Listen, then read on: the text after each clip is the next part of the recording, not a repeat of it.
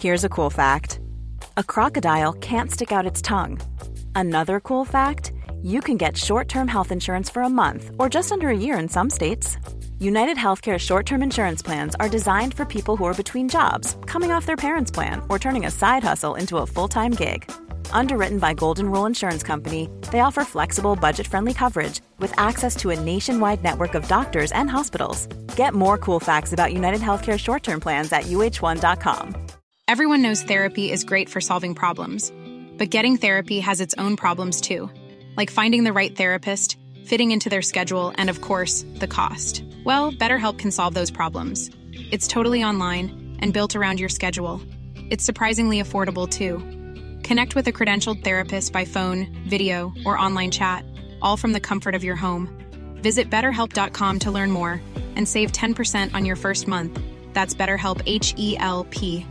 There's never been a faster or easier way to start your weight loss journey than with PlushCare.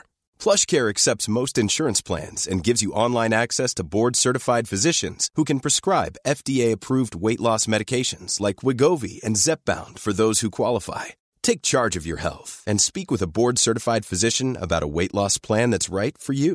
Get started today at plushcare.com slash weight loss. That's plushcare.com slash weight loss.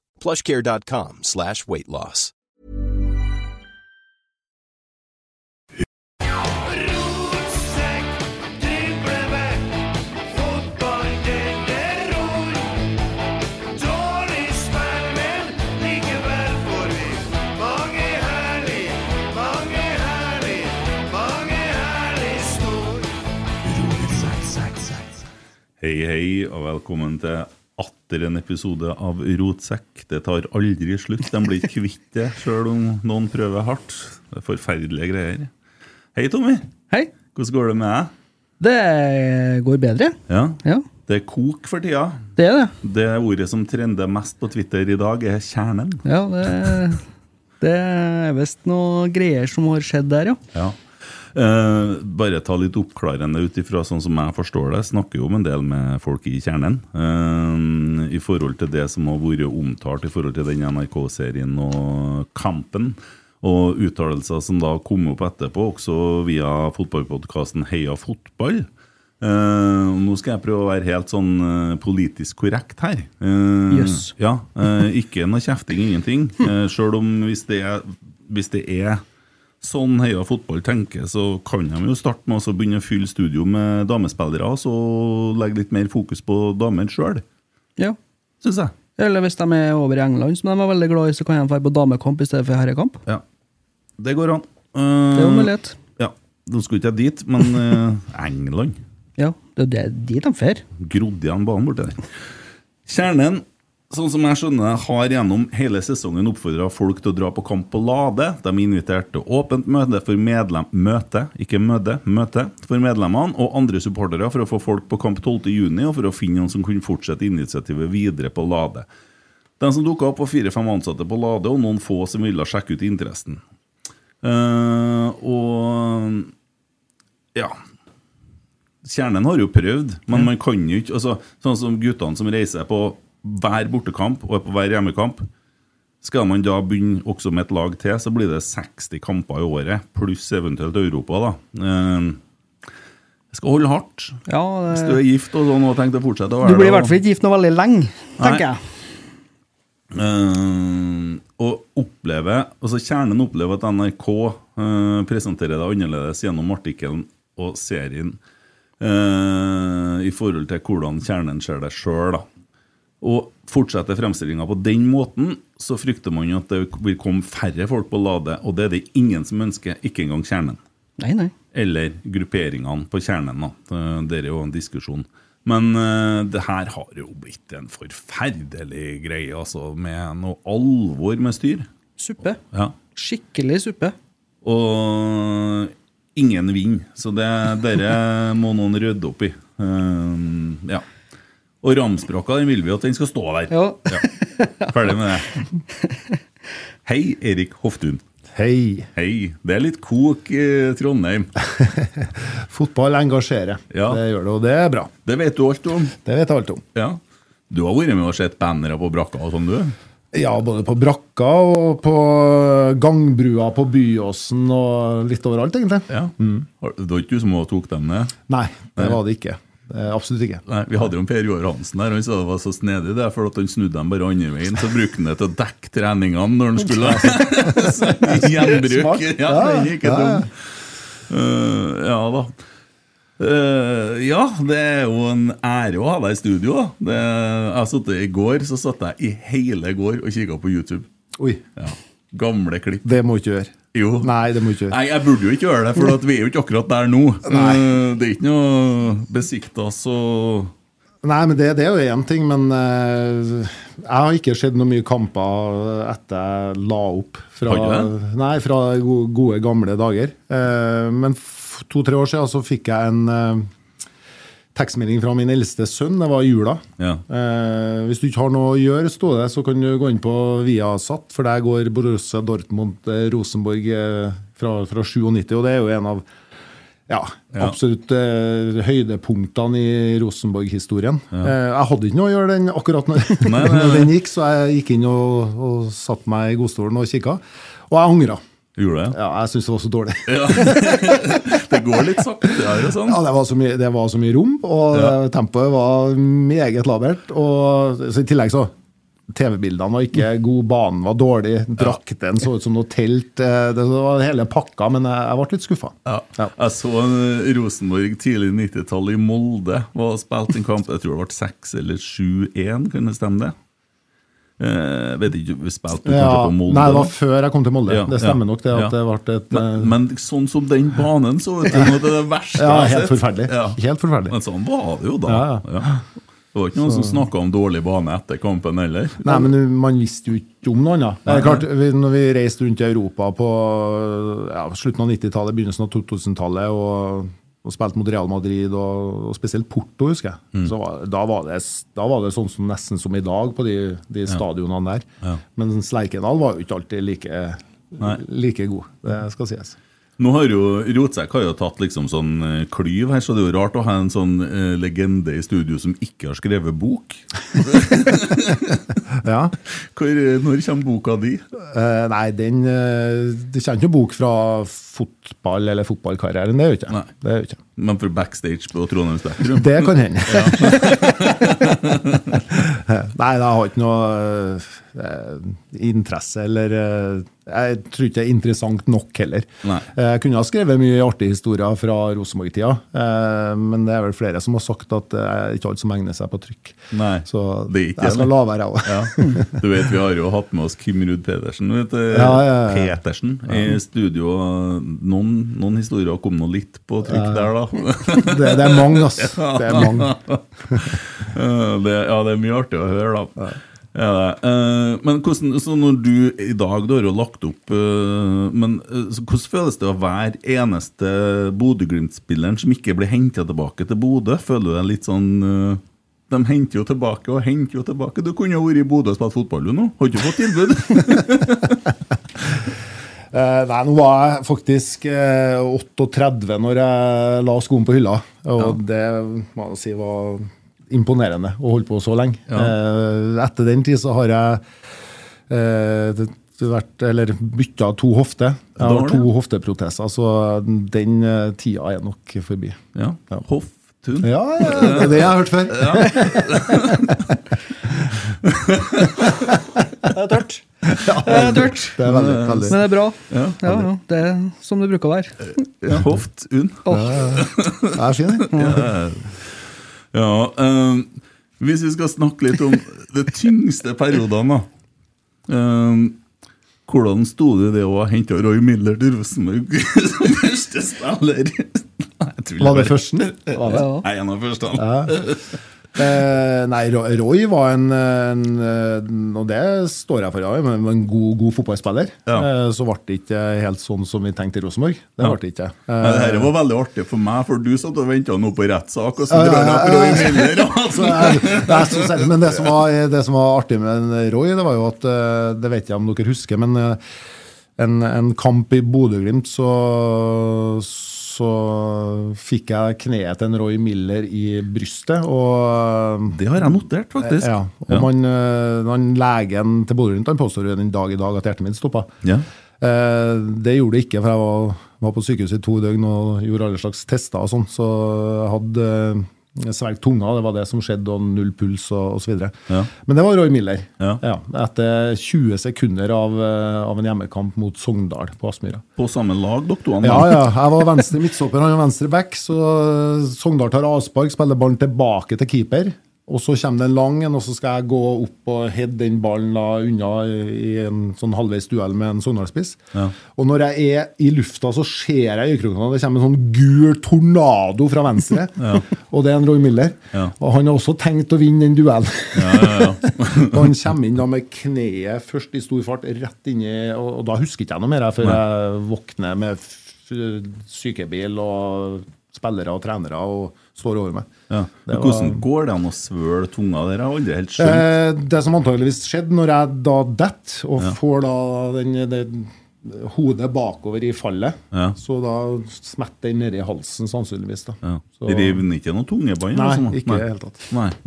Mm. så det var en bra til å knakke en del ribbein, og så ble det en- ble noen uker ut. Det var det. Noe sånn. til lagkamerat. Og så kjøper jeg den etterpå. Ja, tror ikke noe annet.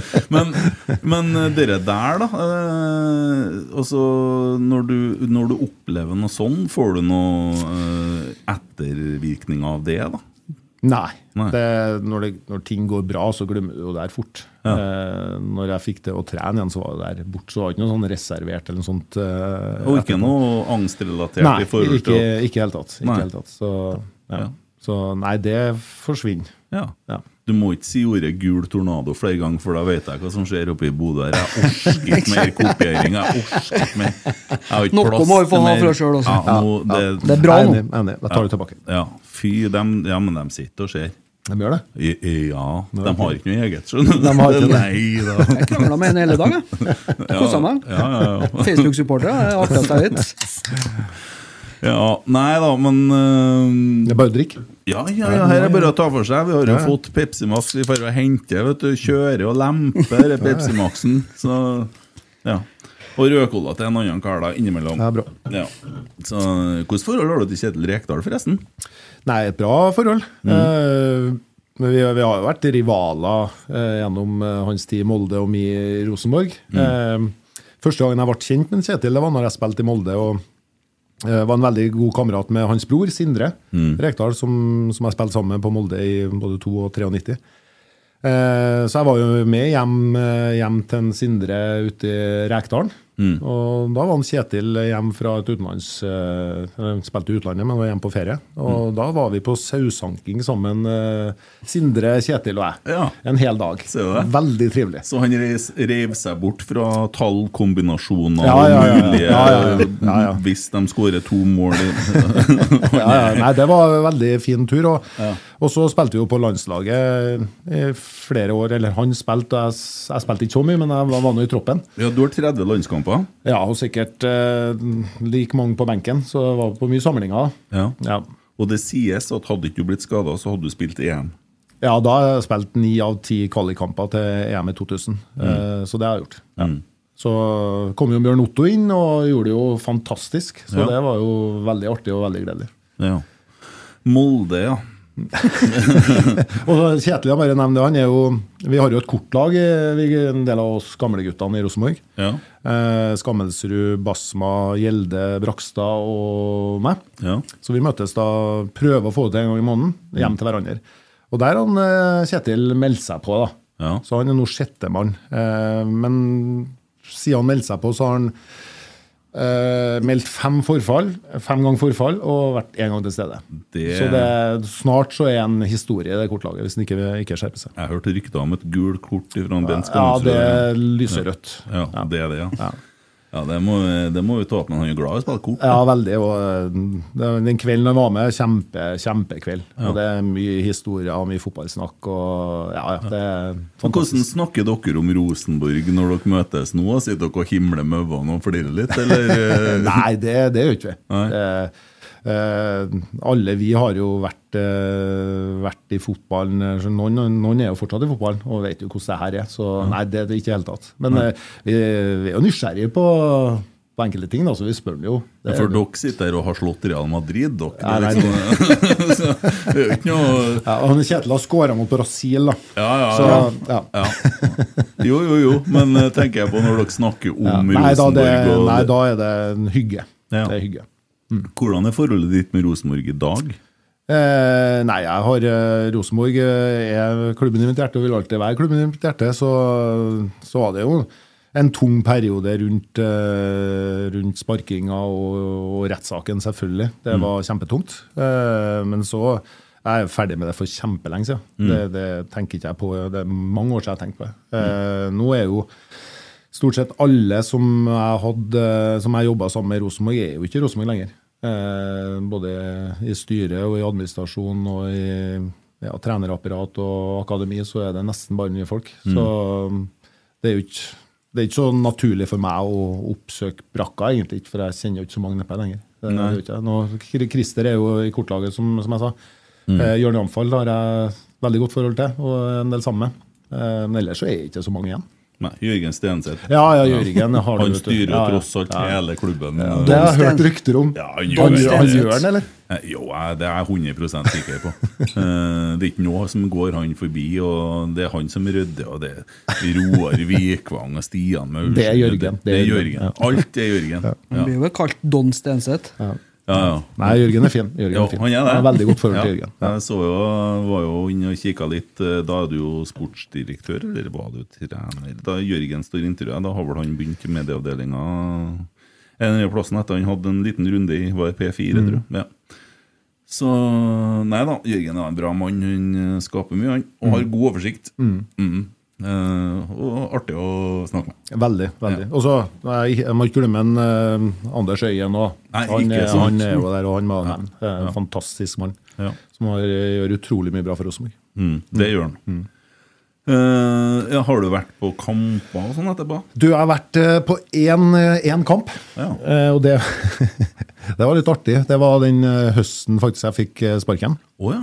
Ja. Eh, jeg tok meg en jobb som prosjektleder for Team China den høsten. Eh, jeg vet ikke om dere har husker Team China, hørt om Team China? Nei, jeg nikka, men Ja, jeg så, så det. Så, Ja, det. Nei, det var det, dere, det langrennsprosjektet der, Ja, eh, ja, der kinesiske ja, utøvere kom hit og skulle ja, ja. bli OL-mestere i Beijing fire år senere. Ja, Var det oppe i Meråker? det var i Meråker også, men eh, det her var gjennom Heimdal videregående. Ja. Ja. så det var en gjeng der på 30 utøvere og fem ledere som jeg hadde ansvaret for. Ja. Eh, Jeg var ikke trener deres, så jeg ansatt seks langrennstrenere som gjør den jobben. Og da kom det fotballspillere, basketspillere, tennisspillere, og ingen av dem har sett snø før. Nei. Og på fire år så skulle de bli OL-mestere i langrenn, så det var jo et uh, usannsynlig prosjekt, egentlig. Ja, ja, ja. Eh, Men et sosialt tiltak så tok jeg med på Rosenborg mot eh, Vi spilte i Europa League det året. eh, Mot eh, enten var Leipzig eller eh, Salzburg. Ja. Tapt 4-5-2 eller noe sånt. Kjernen begynte å synge lys og varme og sånn? Ja, Ja. riktig. Ja. Eh, og, det, og mange av de utøverne de har ikke, de har ingen, ikke noe forhold til fotball i det hele tatt. De har aldri sett fotball, så jeg hadde en sånn gjennomgang før vi dro nedover med buss ned på Lerkendal at de måtte heie på det laget i hvite drakter og sånn veldig sånn elementært. da. Via tolk, da, for de snakka jo Ja. ikke eh, engelsk. da.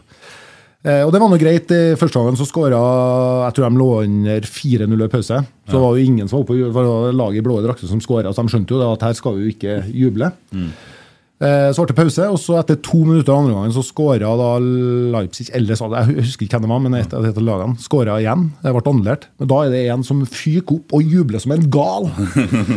Og han skjønte jo ikke at lagene hadde bytta side. Så. Så, så, så, han tror det var Rosenborg som skåra. Nei, nei!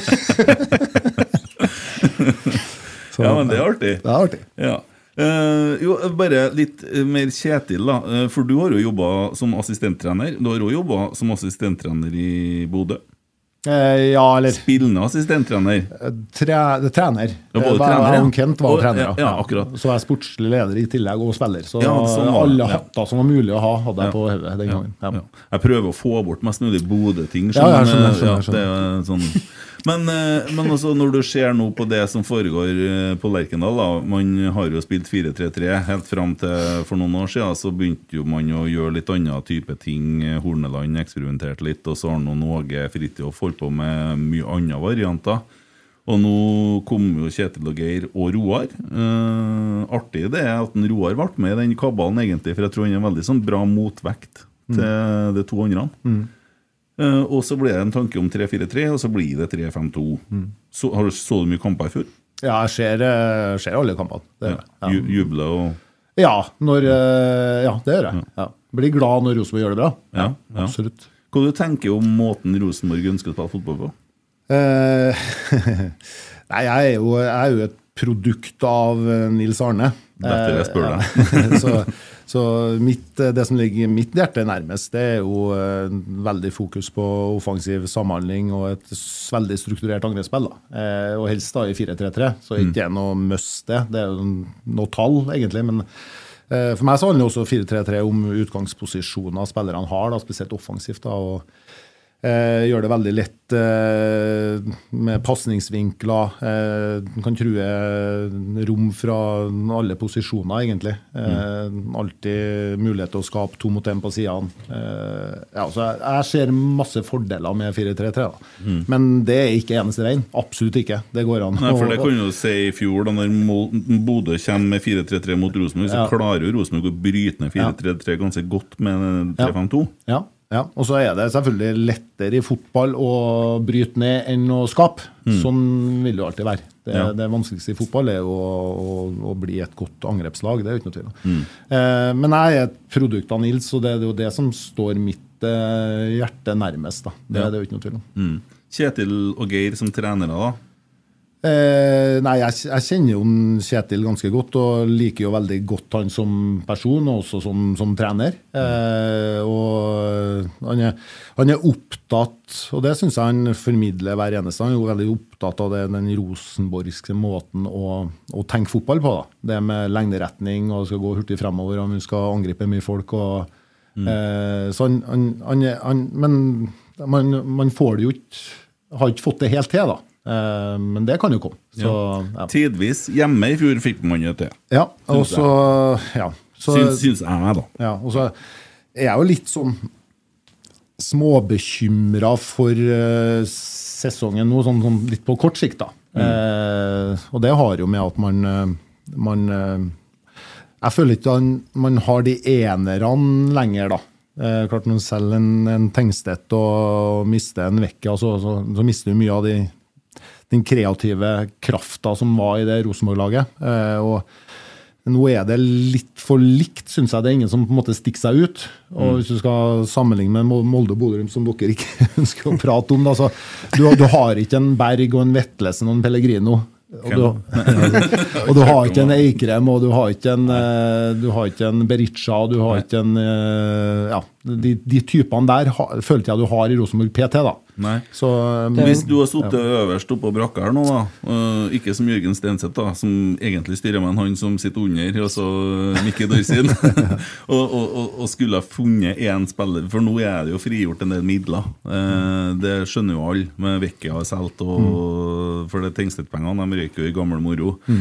Eh, rettssaker som tull som en Og så det var det var så billig, det at det var ja. ja, veit ikke. Nei, men også, Vi har jo frigjort en del penger. Uh, Vebjørn Hoff, som vi ønsker all hell lykke i Lillestrøm, for all del, uh, har gått dit. Så er det jo noen lønnsmidler som er frigjort. Altså Man har noe penger til å handle spiller. Uh, hvor, på hvilken posisjon du ville handla spiller til i dag i Rosenborg? Oi. Nei, dere, dere kan en eh, Det vet en Kjetil og en Ja, og eh, Roar og eh, Mikke mye mer om enn meg som, som jeg jobber med her til daglig. Det, Ja. eh, men eh, eh, PT så er jeg jo ikke skremt av angrepsspillene til Rosenborg. Det, det er jeg jo ikke. Men det, det igjen, det, Aga har vært der i et kvarter. Eh, islendingene har ikke, nesten ikke fått vist seg fram ennå. Eh, Ole Sæter eh, kjenner vi nå fra i fjor, og når han lykkes, så er han jo bra. Så er det jo selvfølgelig, går det litt opp og ned.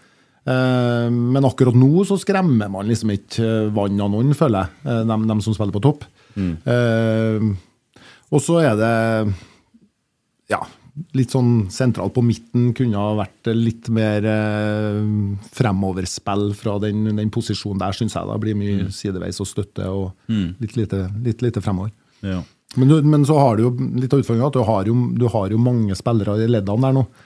Eh, og jeg syns jo også at man kanskje nå skal benytte muligheten da, til å Når forventningene er litt lavere og det er litt sånn akseptert at man kanskje ikke blir nummer én eller to, eller, eh, så har man jo unggutter nå som det har vært mulig å prøve å, å bygge litt inn i det laget her. da. Ikke for mange samtidig, men at, at en uh, Nypan og en Broholm og en uh, Røsten da, kan få muligheten til å bli virkelig gode. da. Ja, og det så vi jo, ser jo det i, nå på var det lørdag vi spilte kamp. Det går i ett i hodet på meg. Lørdag, da.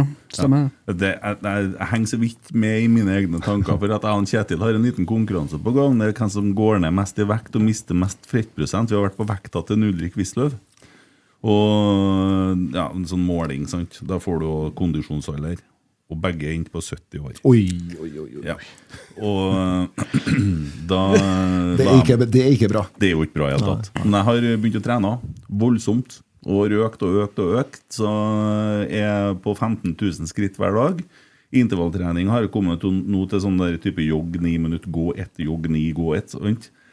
Og så går jeg på underskudd av kalorier. Nå sliter jeg litt noen ganger med å henge med. Så det, hvis jeg virker litt dement, så er det bare hjernen som har begynt å så, Jeg har rast ned i vekt, da. Så Kondisjonsalderen har du Målt den igjen, da? Nei, jeg tar en ny måling i juli. Ja, ok. Så nå føler jeg meg som jeg er 70 år, men jeg er sikkert ikke.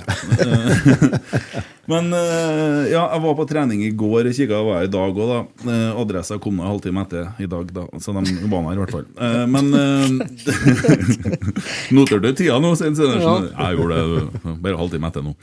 Men uh, det som var fint å se, da, det er jo at uh, Broholm han gjorde nesten hva han ville. Han var god, altså. Og Leo Kornic. For ikke å snakke om Carlo Holse.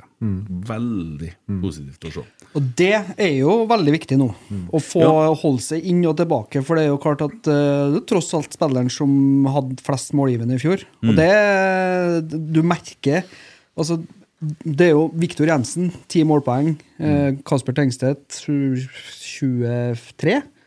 eh, På den lille stunden han var her. Og det er klart at når det er borte, og i tillegg Holse ikke har vært med, så er det jo godt over halvparten av målpoengene våre som er ikke har Jo, vært med. Ja, men det jeg skal si på lørdag, da og det, det ser du dement, vet du, men det kommer tilbake, ja, eh, så spiller jo Rosenborg uten ni spillere som er på vippen, som er skada, eller sånn og sånn.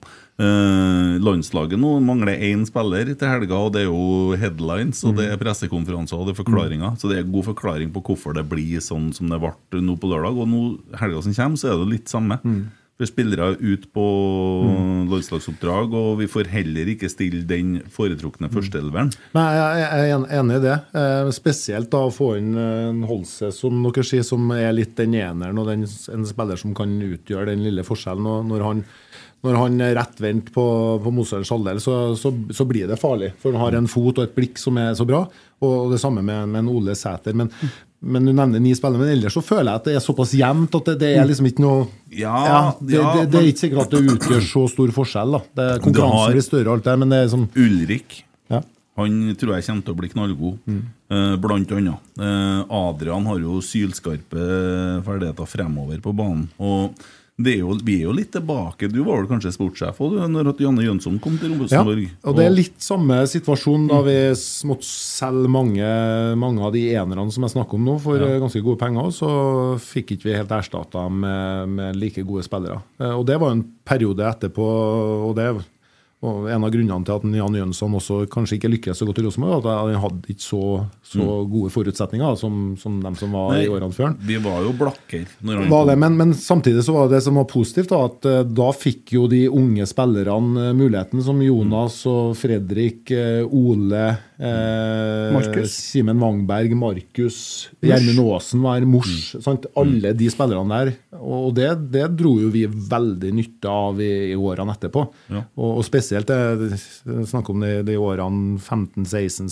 ja, 14, 15, 16, 17, eh, da vi hadde fire sånn mer eller mindre fire trøndere som var da bærere i laget. som var da et produkt der, hvis du tar med en Pål i tillegg til en Ole og en Fredrik og ja. Jonas. da. Ja. Som er ekstremt viktig for ethvert fotballag. at du har, Hvis du har lokale eh, drivere i et lag, det, er, det er viktig. Sånn som Bodø-Glimt nå med en Patrick Berg og en Bjørkan f.eks. Ja, for det er et par nordlendinger der, ja. ja. De fikk De dem tilbake. vet. Skjønte at de hadde dumma seg ut. Ja da, men eh, det er da, og vi har da noen eh, bærebjelker nå, tross alt. Og laget er jo et år gamlere, så tross alt i forhold til i fjor, presisen i fjor, så er det jo mørkesvart ut.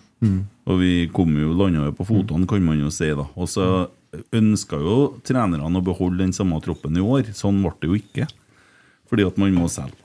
Eh, så, og dem får jo likevel skylda for uh, resultatene. Da begynner det å snakke om at treneren må gå med en gang. Men også når man ser hva man har, hva man står med, det, er jo, det må være en forferdelig vanskelig situasjon. Ja, og det sånn det er å være trener. Eh, Du ser jo Conti i Tottenham òg, som da ber egentlig om å få sparken. eh, Og skylder egentlig på at han ikke har da riktige spillere. Og det kan godt hende at han ikke har det, men eh, det er jo en sånn, litt sånn treners hverdag. da. Ja. ja, det blir i hvert fall spennende å se, men vi får si som Nils Arne at vi får ha trua til det motsatte bevisst. Ja. Det, Ja, men det, det, altså, det er jo ingen tvil om at eh, det å I hvert fall offensivt, det å få inn en Holse og det å få Ole Sæter inn på banen igjen, det å kanskje få se hva Isak Thorvaldsson kan levere med den fysikken han har. Han har jo tross alt et ganske OK målsnitt i Island. og Han ble jo kåra til den beste spilleren i Island òg. Så er det jo Altså, det er jo noe uforløst offensivt. Fordi at dem som egentlig skulle ha vært drilla inn, har ikke vært tilgjengelig. Så det blir jo spennende å se hva, hva Men, så, men samtidig så må Rosenborg være veldig flink da, til å utvikle de spillerne. At de, de tar på en måte neste steg. Da. Eh, for de er jo henta fra eh, Ja, de har henta to fra HamKam. Eh, fra benken i Sverige. Eh, et par spillere. Sånn, så eh, du henter jo ikke spillere på øverste hylle, får du ikke spillere Rosenborg, men det er liksom ikke, det er ikke av de øverste hyllene. Det er, det er spillere du er nødt til å Utvikle. å, å utvikle og få fart på, og helst så fort som mulig. da. Eh, sånn Molde kjøper en spiss, så henter de en Berisha som du vet leverer 15 skåringer i Eliteserien. Ja, vi, det, det, liker å si- det vet vi, ikke vi liker å snu det litt på hodet ved å si at de betalte 10 millioner per mål han skåret til Ja, ja. Sverige. Det- Jo, jo, men vinner de serien med at han blir toppskårer, så er det jo verdt det. Ja. Mens, mens Rosenborg satser da på en Aga som har, har, har skåra i Obos-ligaen, Mm. men ikke i Allsvenskan. Så, så han, må jo, han må jo utvikles mens han er her. Det er gutsy, da. Berisha Det- er ferdig utvikla, hvis, Ja. du- hvis du forstår eh, Jo, jeg, og jeg sier det òg. Og jeg, jeg for min del jeg håper at Rosenborg nå finner en også Ikke noe forkleinelse for Tobias uh, Børke, for at jeg synes han leverte bra når han spilte mot Viking, mm. fram til han ble skada. Men skal vi handle nå, så tenker jeg er det kanskje bedre å handle en på 26 år, da, som er ferdig, som koster 20 millioner, i stedet for å sånn prospekt og utvikle. den. det er greit, det, men noe, noe solid, en dritsekk på midtbanen, må vi ha. Du må ha én en ener. Ja. Altså, du kan ikke bare kjøpe utvikling. Og jeg har òg litt eh, tanker rundt det, for at jeg har jo sittet her og sagt at jeg tror på Ole Sæt- Selnes. Det gjør jeg ikke lenger. Uh, ut fra sånn som jeg forstår det, så ønsker ikke han å komme til Rosenborg nå. Og han er litt småskada, og han vil vente og se om det kommer en større klubb på banen. Eh, så dem som fantaserer om Ole Selnes, dem tror jeg kan de må i hvert fall vente etter sommeren. Eller eh, i et sommervindu. jeg tror det, men det er, ikke noe, det er ikke noe noen har fortalt meg sånn direkte, men det er sånn som jeg forstår det når jeg går og trør og prater med folk rundt omkring. Eh, og da fanger det opp litt. Og det er nå det jeg driver med. Men altså, det, det jo, vil jo være naturlig òg. For det å hente en småskada eller en skada Ole Selnes, altså det, det, det gir jo ingenting hvis han skal sitte skada i to-tre måneder nå. Det, jeg, kjenner Altså- ikke, jeg kjenner ikke skaden, Nei. så å si at det ikke gir noen ting, er ikke jeg enig i. fordi at jeg tror at hvis at man har signert han, så tror jeg det har blitt entusiasme. Og det kanskje utgjør litt på spillet òg, når du har uh, mye folk på stadion. Ja, altså, Ole er jo en fantastisk fotballspiller. Og er jo en, eh, en rollespiller av rang. Og snakker om fremoverfotball, så er det vel ingen som er så flink til å både spille gjennom redd og, og, og i bakrom enn han. Så det ville ha vært eh, både sånn for omgivelsene, men ikke minst for, eh, for eh, alle, alle andre spillere i Rosenborg, så ville det ha vært en, et skup. Ja. Dere hadde en annen spiller på laget også, som Kåre snakka varmt om når han var her. Og det var en som spilte som stopper. Han Jørgen Skjelvik. Som var litt av navet i laget. For man turte å stå mye høyere. Altså en temposterk midtstopper. Unnskyld hvis jeg var frekk. Er det viktig? ja, han sa noe, Kåre. Jeg vet ikke. øh, Nei, jeg, jeg, jeg er helt enig. Og når vi fant ut at vi skulle prøve han som stopper, så var det litt sånn aha. var det. Og én ting er den ekstreme farten han hadde, eh, som gjorde det, som Kåre sier, at det kunne stå høyt, men han hadde en, han hadde en god venstrefot. Og en venstrebeint eh, venstre midtstopper i forhold til at vi hadde mye ball og ønska å tre gjennom ledd. Der var han også Jørgen. Og det, det, det fikk ikke han så mye anerkjennelse for, men der var han god. Har, har et, eh, det er et sånt bilde som aldri vil slippe taket i meg, og det var borte mot Lillestrøm, eh, jeg husker ikke året, men jeg tror vi vant 3-0. Eh, Da eh, spiller vi rundt i backfireren fra Jonas via Tore sikkert da, og til Jørgen. Og Jørgen på én touch smeller den ballen mellom tre spillere opp i mellomrommet til en eh, Fredrik Nitsjø. Som Fredrik var fantastisk det også, men har fått da de meterne der, vender opp. Spiller motsatt til, til Mike, som da ruller opp Pål, og så som setter den i mål. Og det er et sånt Sånn, sånn, bilde som aldri slipper taket. For det er sånn ideelt bilde hvordan du skal åpne et, et, et, et lag som ligger litt sånn halv, halvlavt. Ja. Og det kom gjennom den venstrefoten til Jørgen. Har han brukt to touch, så hadde den åpninga vært stengt. Men han smelte nå på én touch Ja. mellom tre, tre spillere. Så eh, en meget bra spiller, og, og synd at ikke han Han gikk jo ut kontrakten, så han forsvant jo etter hvert. Men eh, Jørgen, etter han ble, ble stopper, så var han viktig for oss. Eh, ta oss litt tilbake til første møte med Nils Arne Eggen. Første møte med Nils. Ja. Ja eh, Nå er det sånn at jeg kommer fra Kyrksæterøra, han fra Orkdalen. Og det er jo mm, to rivaliserende bygder og fotballag og sånn, så eh, Første gangen jeg la merke til Nils, det var jo når han eh, som pappaen til Trygve, eh, sønnen, da, eh, som er like gammel som meg, eh, sto på sidelinja når vi spilte mot eh, Orkdalen, da, som smågutte- og guttespillere. Og da var det en meget tydelig og hissig Eggen som, som pappa, som skjelte ut spillere og dommere og trenere og publikum og alt som var. Det, det, men da, da snakka jeg jo ikke med han. Nei. Eh, så jeg spilte jo på Kiel Hemne til jeg var faktisk 22. Eh, og siste året mitt i Kilemne så fikk jeg en invitasjon eh, av Rosenborg til å komme og, og trene en uke med A-laget. Det var jo stort for en, eh, en beskjeden eh, defensiv hemmering. Eh, Så, så jeg møtte opp på brakka, og da var første gang jeg hilste på Nils. og Gjennomførte jo den, den treningsuka. Syns det gikk bra. Det var utrolig stort å spille Plutselig være på trening med de, med de spillerne her. Eh, Så hadde jeg etter uke, og hørte ikke noe mer. Og så fikk jeg tilbud om å trene med Molde i tre dager, og dro dit. Og etter første treninga fikk jeg tilbud om kontrakt. Mm. Så den skrev jeg nå under på. Eh, og Dagen etter jeg skrev under for Molde Det, det, det som en annerledes verden er i dag, uten Twitter og Facebook. og sånn, det, det, det kom jo ikke ut at jeg skrev under for Molde. Så Nils ringte meg faktisk dagen etter eh, at jeg signerte for Molde og sa at du, nå har vi bestemt oss at vi ønsker at du skal komme til Rosenborg. Ja. Eh, åh, det, er litt sent, Nils. og da måtte jeg fortelle at jeg skrev under for Molde, og da ble han, da ble han irritert. Ja. faktisk. Da. Så, så avslutta jeg med kanskje blir en annen gang, Nils, men da la han bare på. Eh, så det var egentlig sånn første, første møte med, med Nils. da. ja. Én dag unna.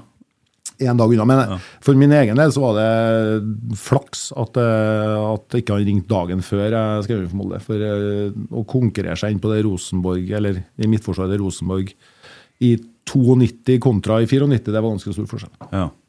Ja, for det var solid, det. Eh, Men du reiser ned til Molde, og der eh, skårer du jo i en kamp fire mål. Men da spilte du midtbane. Ja. Eh, Og du har òg snakka litt om hvordan de i moldenserne oppfører seg i garderoben når de skal møte Rosenborg.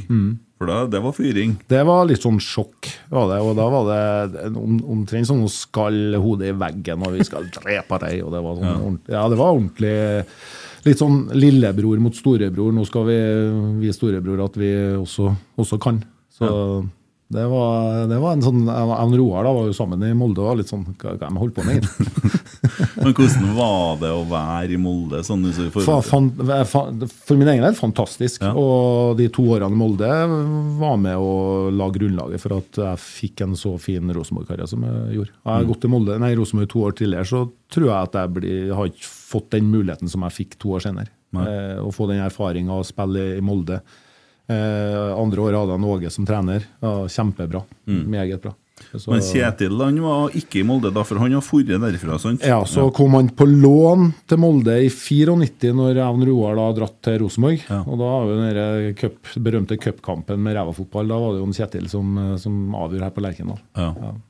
Men hvordan gikk det i orden når du kom til Rosenborg da? Hva var, etter to år i Molde? Fikk du ny telefon, eller ringte du, eller hvordan var det? Når? Når du kom til Rosenborg i 94? Eh, nei, da, det var dagen etter jeg skåra de fire målene, faktisk. Oh, ja. Så ringte Nils. Da hadde han sikkert sett på Sportsrevyen at jeg hadde skåra fire mål og tenkt at dæven, han er trønder, han må jo spille til oss. så da ringte han faktisk og sa du må spille for oss, du vet. Ja. Så da ble det, det Rosenborg, da. Og det, det var jo det var en guttedrøm som gikk i oppfyllelse. ja. 94, ja. 95 var da vi begynner med ja, For i 94 tapte vi stygt i Europa. Nei. Det var så nært. Det, Ja, Vi tapte mot ja. Deportivo la Coronia i siste kvalikrunde. Okay, vi ja. vant 1-0 hjemme, og så var det De leda 1-0 borte helt på slutten. Eh, så hadde Kaasa 200% sjanser helt på slutten, som eh, ingen, ingen av dem gikk i mål. Så ble det ekstraomganger, og da våkna han Bebeto og skåra tre mål. til. Ja. Men det var, det var så langt unna at vi, vi slo oss inn faktisk i 94. Ja. Kåsa, det, det er så merkelig å tenke på. Det er så mye spillere som, ikke- ja, som det- Kåsa det forbinder jeg med Vålerenga. Ja, sant. Jeg har aldri tenkt på, men jeg, klart jeg var fem år i 94. Du er Altså, så, ja, jeg skulle til å si det. Du er så ung, du, så gutt. Det,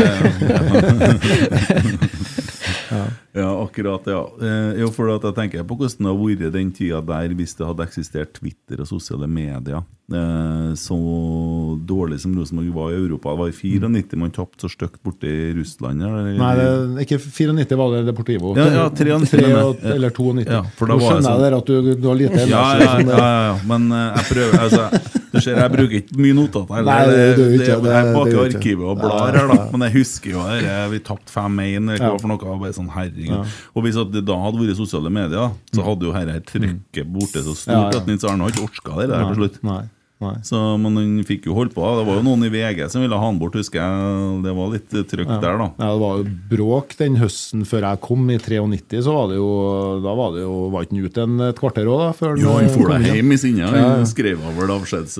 på en serviett, vet du. Nei, Jeg vet ikke om det var serviett, men han, mm. han sa opp jobben, ja. Ja.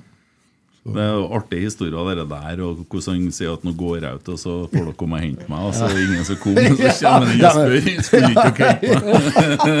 Det er fantastisk. Ja, det er bra. Det er bare han som kan gjøre det. og det ja. Jo, jo. Og han fikk jo gjøre det òg. Det er ikke sikkert det har fungert like godt i dag. Verken språket eller eh, Nei, nei, nei. Men også kommer man til 95, og da blir det, da blir det Champions League-hymne og ja. Ja. Og det var ja, det, vi, vi trodde jo egentlig ikke helt på det når det, når det skjedde. Vi, klart vi gjorde en fantastisk hjemmekamp mot, uh, mot Besjiktas her. eh, 3-0 vi vant til slutt. Ja. Ja. Så Skåra du. Du skåra noe instinkt... ja, Jeg brakk vel handa på en keeperen tror jeg, med frispark her. Ja, det var det var så hardt. Ja. Ja, det var så, det var så hardt ja, det var eh, ja. Jeg så det i går, nemlig. Ja, det? Ja, det, er, det er helt vilt hvor du skøyt. Og etter jeg skåra på frispark, så sa Nils eh, Og spillerne rista bare på hodet. Eh, skudd fra distanse, Erik! Og Ja. spillerne. Det der skjer aldri igjen, tenkte alle sammen. vet du. Jeg fikk prøve, og det skjedde aldri igjen. Ja, ikke sant? Brumur kalte han det. Brumur Ja. fra Hoftun. Ja. Og så reiser dere eh, i returoppgjøret, og der eh, Man er jo egentlig jævla heldig at man går videre. Ja, altså det var, det var et sjokk helt fra vi kom på stadion før kampen. Det var jo helt stappfullt på stadion til Besikta. Så en veldig sånn åpen stadion, ingen tak eller sånt. Og, det var, og publikum, eller hjemmefansen, var helt sinnssykt når vi gikk ut og Jeg har sikkert hørt det her før, men når vi gikk Ja. ut for å kjenne på banen og sånn før, eh, før vi bytta og, og varma opp, så, så hagla det med, med mynter og lightere og jeg tror faktisk litt, noen kniver. Altså. Oi. Ja, ja. Så øh, det var, det var harda bud. Og, og det, det bråket og levende som var der, var et helt sånn sjokk. Første 10-15 minutter vi, vi klarte ikke å kommunisere til hverandre, vi spillerne, og ble jo, ble jo overkjørt i starten. Og de fikk jo 1-0 tidlig også, så det var sånn uh. Ja. Men så fikk vi ridda av litt og fikk litt mer kontroll. Eh, og så var det jo den situasjonen eh, der ballen kanskje, kanskje var inn, eller kanskje ikke var inn. Jeg vet ikke. Ja, den var inn.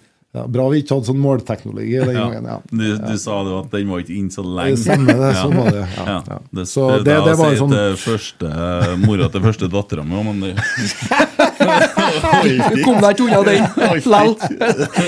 Ja, det. holdt ikke i retten, Ja, det. det er bra. Det er bra. Holdt ikke på trygdekontoret, det. Ja.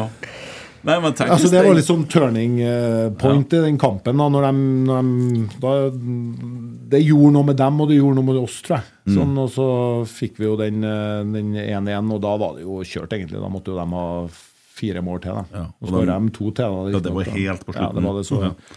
så det var en episode etter kampen der, og Bjørn Tore ble Kvarme ble noe jaga av eh, en spiller gjennom hele tribuneanlegget omtrent, som Ja. skulle drepe og det var, ja, det var, det var skikkelig alvor. Det var, ja.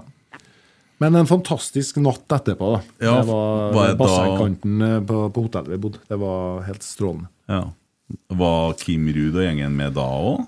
Nei, det var året etter. Det var i Milano. Ja, det var tror jeg Milano, ja. Ja. Jeg tror det var bare laget som var i laget og støtteapparatet som var på hotellet i, Ja. i Istanbul.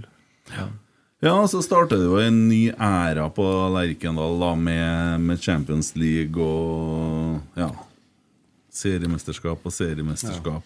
Um, ja, Noen år var jo tøffere enn andre. Men var, var du lenge i Rosenborg før du for opp til Bodø? Eh, sommeren 2005.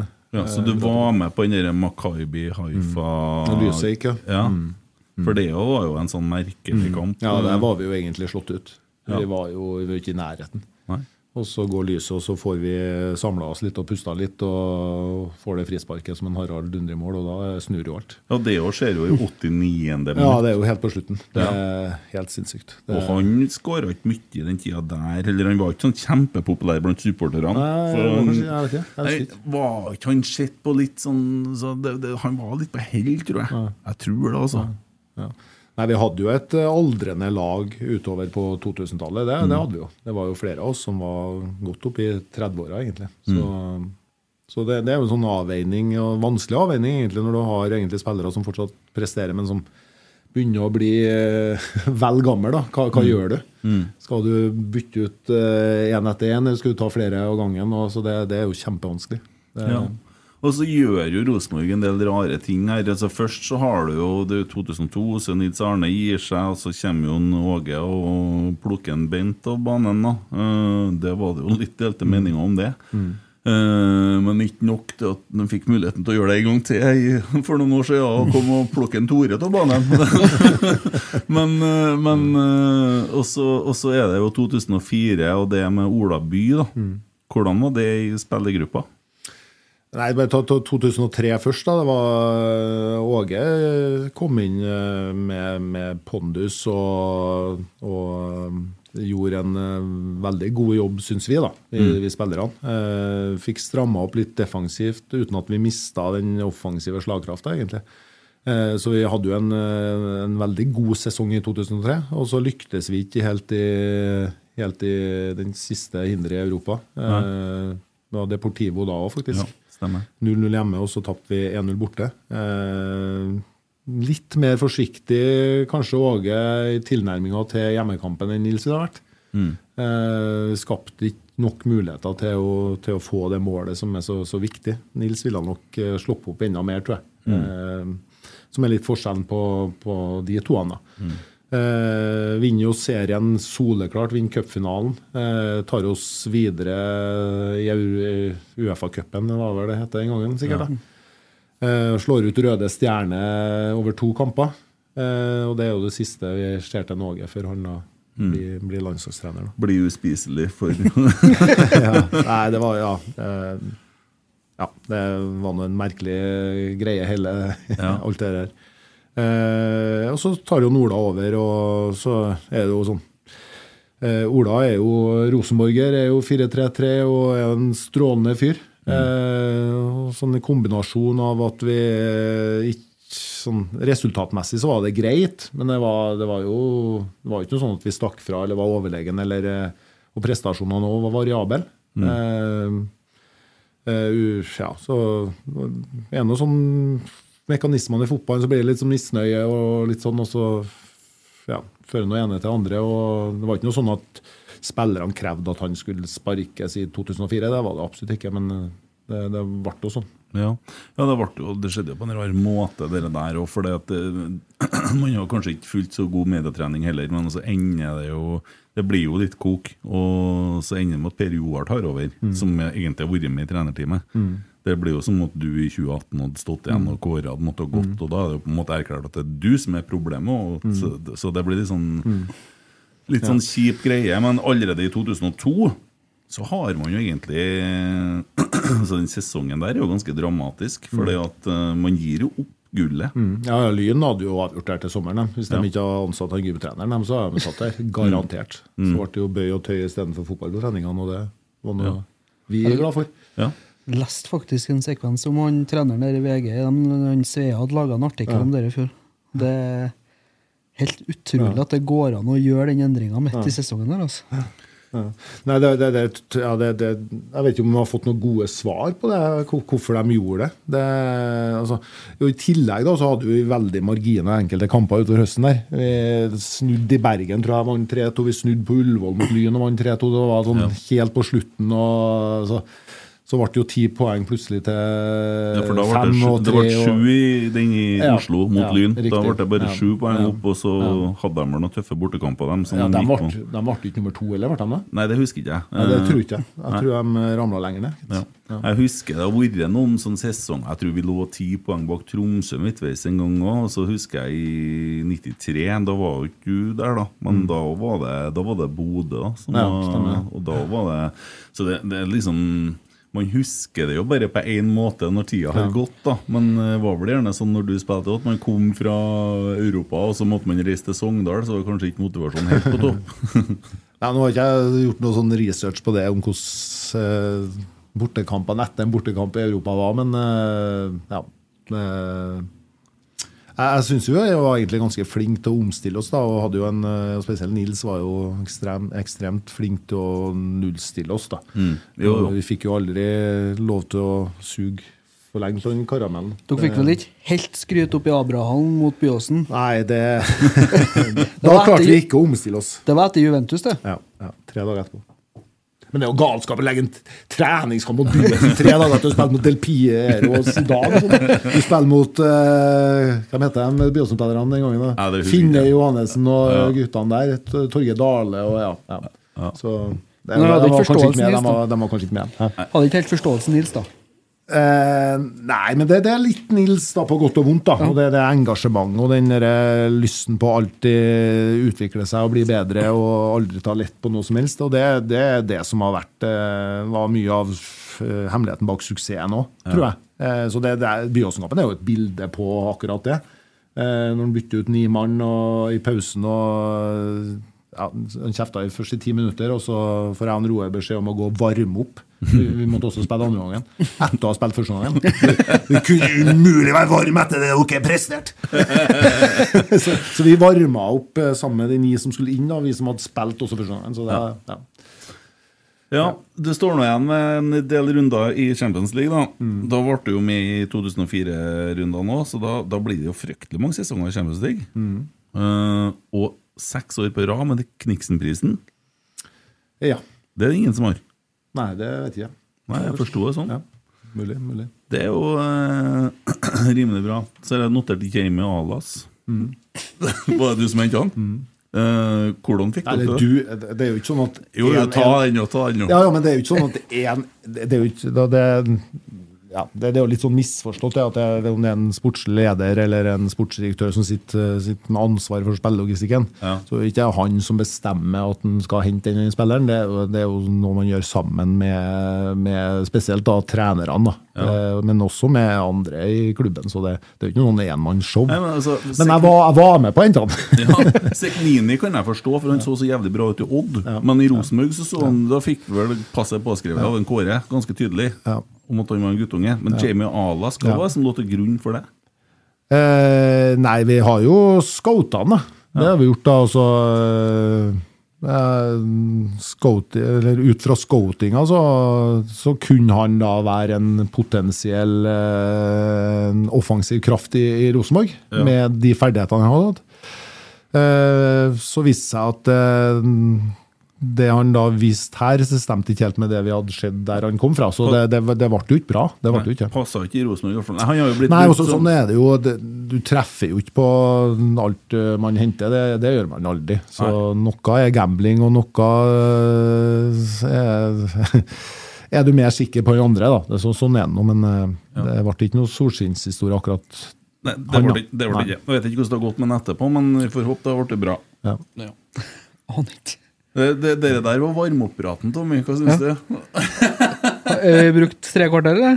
40? Fem- 53 Ja, minutter. ikke sant? Ja, ja. Nei, men du, det er sånn Så- Han måtte jo òg varme opp i 53, da. Sant? Ja, men- Spilt 45, og så måtte han varme opp i 7 Ja, men som regel så leser jeg boka. da Ja. Eh, Vi har jo et arsenal av bøker. Til og med Per Joar Hansen har skrevet bok. Den var faktisk jæklig bra. Ja. Ja, det er Faglig og humor litt sånn fletta, så det gikk sånn greit å komme seg gjennom. Sette seg inn i det, notere litt, og har liksom Men her har jeg sett på YouTube og intervju og bare brukt hjerte. Ja, hjerte. Mm.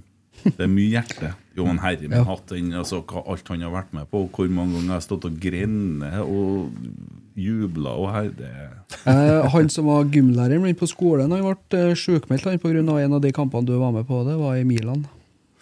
Ja. Han uh, hoppa opp i, fra sofaen og jubla, så glemte han at han hadde vifte over hånda. Så han knekte armen. så det, det har skjedd litt. Ja, det er bra.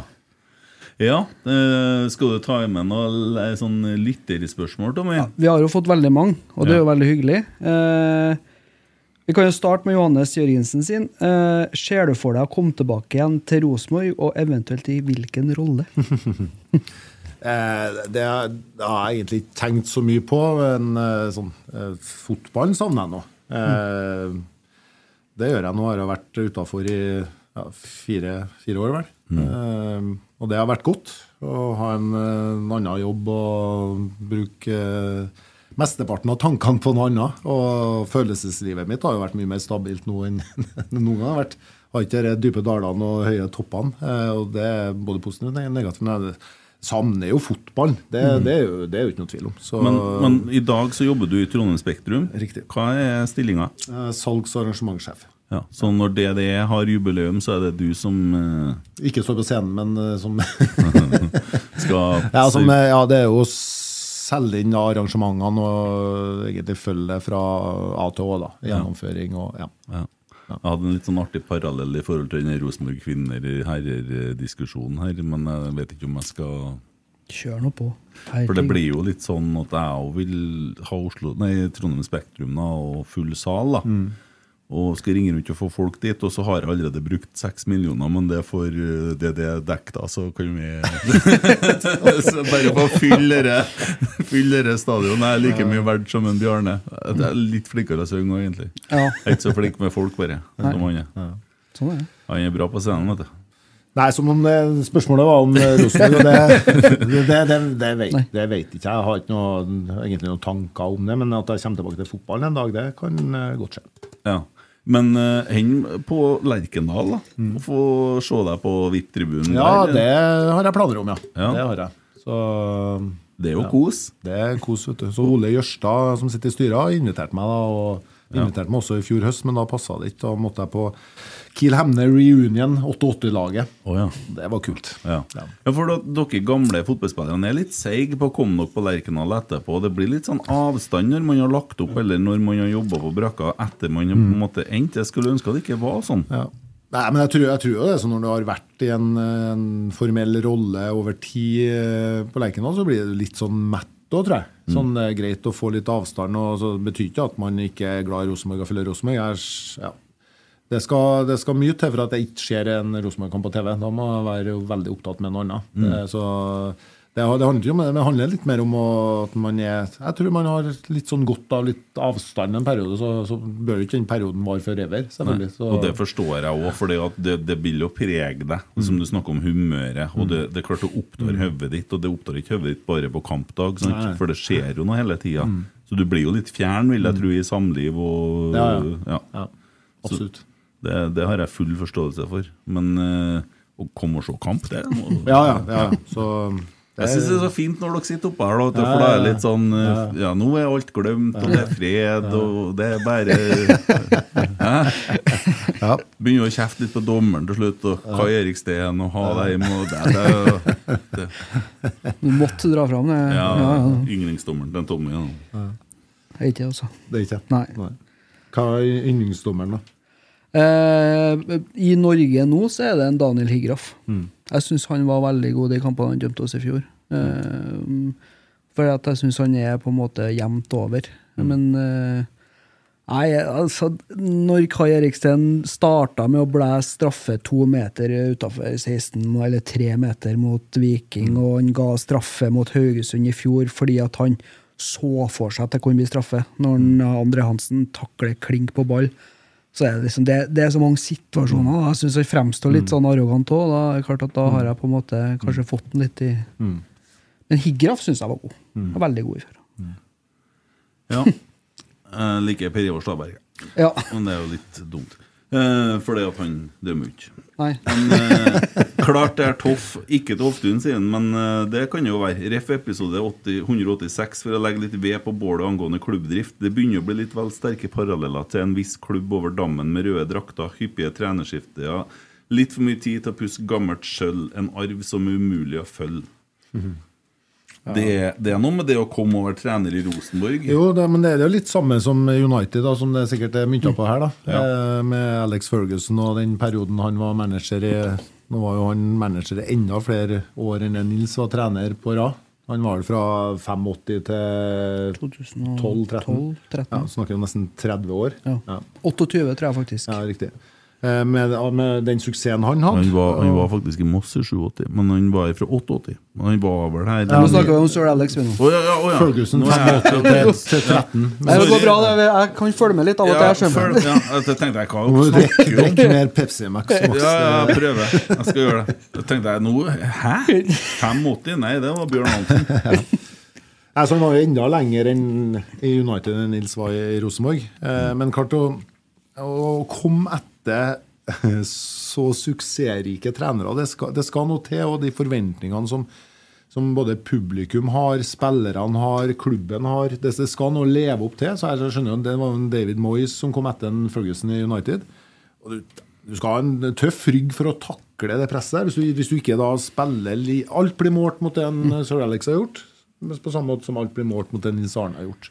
Så det De er jo så markant. Altså det, de, de er på en måte altså Nils Arne var jo litt av alt. Ja. Altså Han var jo like mye vaktmester Ja, som han var trener. ikke Ja. Og det, Den standingen tror jeg faktisk en Ferguson har hatt i United òg. Og da er det klart at uh, det, det er noe Mm. da når du plutselig skal ta over og gjøre altså Moyes gjorde jo kanskje det største Kardinalfilm med å sparke hele støtteapparatet. Mm. Så det, det tror jeg ikke er enkelt. Nei, det er ikke, det er ikke enkelt. Så Kjente dere på det når dere starta i 2015? Eller 2014-2015? Uh, At det fortsatt kan være vanskelig å, være, å komme etter Nils? jeg Har, har du glemt første kampen mot Ålesund i 2015, du? Det gikk da bra, det? Ja, det gikk bra, ja, for all del, men Jeg jeg spådde eh, sånn, eh, Jeg brukte alltid å sånn, sette opp en sånn antatt uh, førsteelver til motstanderen ut litt sånn fra tidligere kamper og plukke opp ting her og der. og sånn, og Det er noe greit for spillerne å vite sånn cirka hvordan motstanderen kommer og hvilke spillere som starter. Eh, mot Ålesund i kampen der i 2015 så bomma jeg på seks mann. Seks posisjoner. Eh, etter kampen så spurte han meg sjøl var det jeg eller var det han trener til Ålesund som bomma på laget. Jeg tror det var trener til Ålesund, for tre kamper etter fikk han sparken. Ja, det stemmer. Han var faktisk var fire kamper bare, han. Og Nåbrek. Ja. Ja, det er riktig. Det, men jeg husker den kampen jævlig godt. Og høsten nå, da, i 2014, var jo vakker. Men Nei, men eh, vi følte Nei, vi gjorde egentlig ikke det. Altså, det var litt sånn alt å vinne også. Etter, da har han jo gått uh, troféløs noen sesonger også. Så, og så ble det jo Avslutninga av 2014 ble det veldig bra. Ni, eh, var ni av ti eller ti av elleve siste kampene. Så vi gikk jo inn i 2015 med en sånn veldig sånn kollektiv sjøltillit. Mm. Det gjorde vi. På at det her kan bli veldig bra. Og Men, det- men, men du gikk jo fra å være sportssjef, Mm. og du hadde jo noen tøffe år som sportssjef. For du fikk jo Det var jo litt pes. Ja, altså, jeg, ja, det var det. Altså, jeg, jeg trivdes godt jeg, som, som sportsleder. Jeg ble sju eller åtte år. Jeg ble sju år, kanskje. Eh, men så tror jeg vi kom til et punkt, både, både jeg og klubben, at noe nok er nok. Så det var like mye klubben som, som jeg sjøl som ønska det. Og, og så, og så funka det veldig bra i 2014. Med, da var jeg både sportsleder og assistenttrener. Og trivdes veldig godt sammen med Kåre på feltet og med spillergruppa og tettere på produktet. Og så, ja, så det var greit, det. Ja. Var det. Men i forhold til å stange omgivelser, misnøye, kok, eh, sånne ting Så Janne Jønsson fikk det jo tøft i perioder, for han kom jo det, Da var jo kassa tom, egentlig, for å se på godt norsk. og hvordan, hvordan klarer man da å bygge entusiasme? og sånn, og så tenker jeg på at situasjonen man står i nå òg. Man skal jo bygge entusiasme, man skal jo skape forventning og ja. Nei, du så, du så jo det i 2015, da, når eh, på en måte eh, det, det, det er jo alltid prestasjonene og resultatene som skaper den entusiasmen. entusiasmen. Og det er jo nøkkelen nå, at en uh, greier på en måte å, å underholde publikum på Lerkendal. Ja, men det, er- er det så- det er jo det det handler om. Ja, eh, men Hamren klarte jo uten å underholde. Men folk var Ja, de var jo egentlig happy. Nå vil jo noen i Adressa si noe annet, men mitt inntrykk er at eh, supporterne var glad. Ja, altså Erik gjorde en fantastisk jobb i Rosenborg, men han gjorde det på en litt annen måte enn Nils. Eh, men resultatene fikk han også, vil jo eh, Og så er det jo sånn at man eh, Det, det satt jo sies at 15 000-16 000 Rosenborg-trenere på tribunen, som da forventa Rosenborg-fotball og fikk litt annen tilnærming. Eh, og da var det litt sånn misnøye, selv om resultatene var gode, og mange av kampene var jo underholdningsmessig også, også bra. Eh, så Erik fikk jo syns jeg, da, fikk jo mye pass. Eh, kanskje litt for mye pass eh, med de resultatene han hadde. Eh, så, så dessverre så lyktes ikke, eller lyktes ikke vi, da, ikke han, men vi i Europa i, i 2009, da, med at vi røyk ut i et eller annet østeuropeisk land. Jeg husker ikke hva det var. Karabakh. Karabakh var det. Ja. Aserbajdsjan. Så det, det brukes jo også mot han at han ikke fikk det til Europa. Da. Det, ja. Men jeg mener, jeg husker han som en likende og Fantastisk fin mann, trener. ja, ja, Røyka ja. sigar Ja, ja. etter Molde og Ja, altså. Ga mye av seg sjøl. Attityd, ja, ja. ja, attityd, den, Altså- den lå igjen i mange år. Altså, Jeg tenker jo Det er jo litt merkelig at Adressa har den der agendaen mot at han ikke var populær. Altså, Åge skrev jo til og med et eget vers til han i bildet av Nivers. Ja. Ja, men, Og jo, og jeg tenker på det. Altså, Vi ser nå på trenere som har vært i Rosenborg. Som no, nå, Horneland. Han gjør det rimelig bra i Bergen. Han har ikke sjans i Trondheim. Uh, per Mathias Høgmo han vant gull i Sverige. henta til en av toppklubbene i Danmark nå. Ja, ja, Det er smart av en, for de kommer ikke til å gjøre dere to år på rad i Sverige. Det Nei, nei, det- men nei. uansett. Men poenget altså, det er jo gode trenere Mm. som ikke får det til i Rosenborg. Og det er et ganske bra forbruk av trenere. Eh, Janne Jønsson i Stabæk. Ja, ja, men det var jo før Rosenborg, da. Ja, ja. Men, men altså, hva, hva, hva er det som skal til for å gi eh, trenere altså, sjansen til å så- For Horneland han har jo fått det til fordi at han fikk et år, og så rykk ned, og så hadde han Da får du automatisk mer tålmodighet òg, da. Nei, men Det er interessant der, og det, det virker som man kommer til et punkt der presset fra, fra media og omgivelsene blir så stort at klubben da eh, føler at man ikke har noe valg lenger. Da. Man blir på en måte litt sånn pressa til å, å ta de valgene. Da. Eh, eh, så har jeg òg tro på kontinuitet, og at man da får muligheten over tid. Eh, Men, men av og til så er det jo sånn at en trener ikke er noe match med en klubb. Så, sånn, sånn vil det være. Hvis, hvis det ikke har vært sånn, så ville jo en trener som blitt ansatt i en klubb vært der livet ut.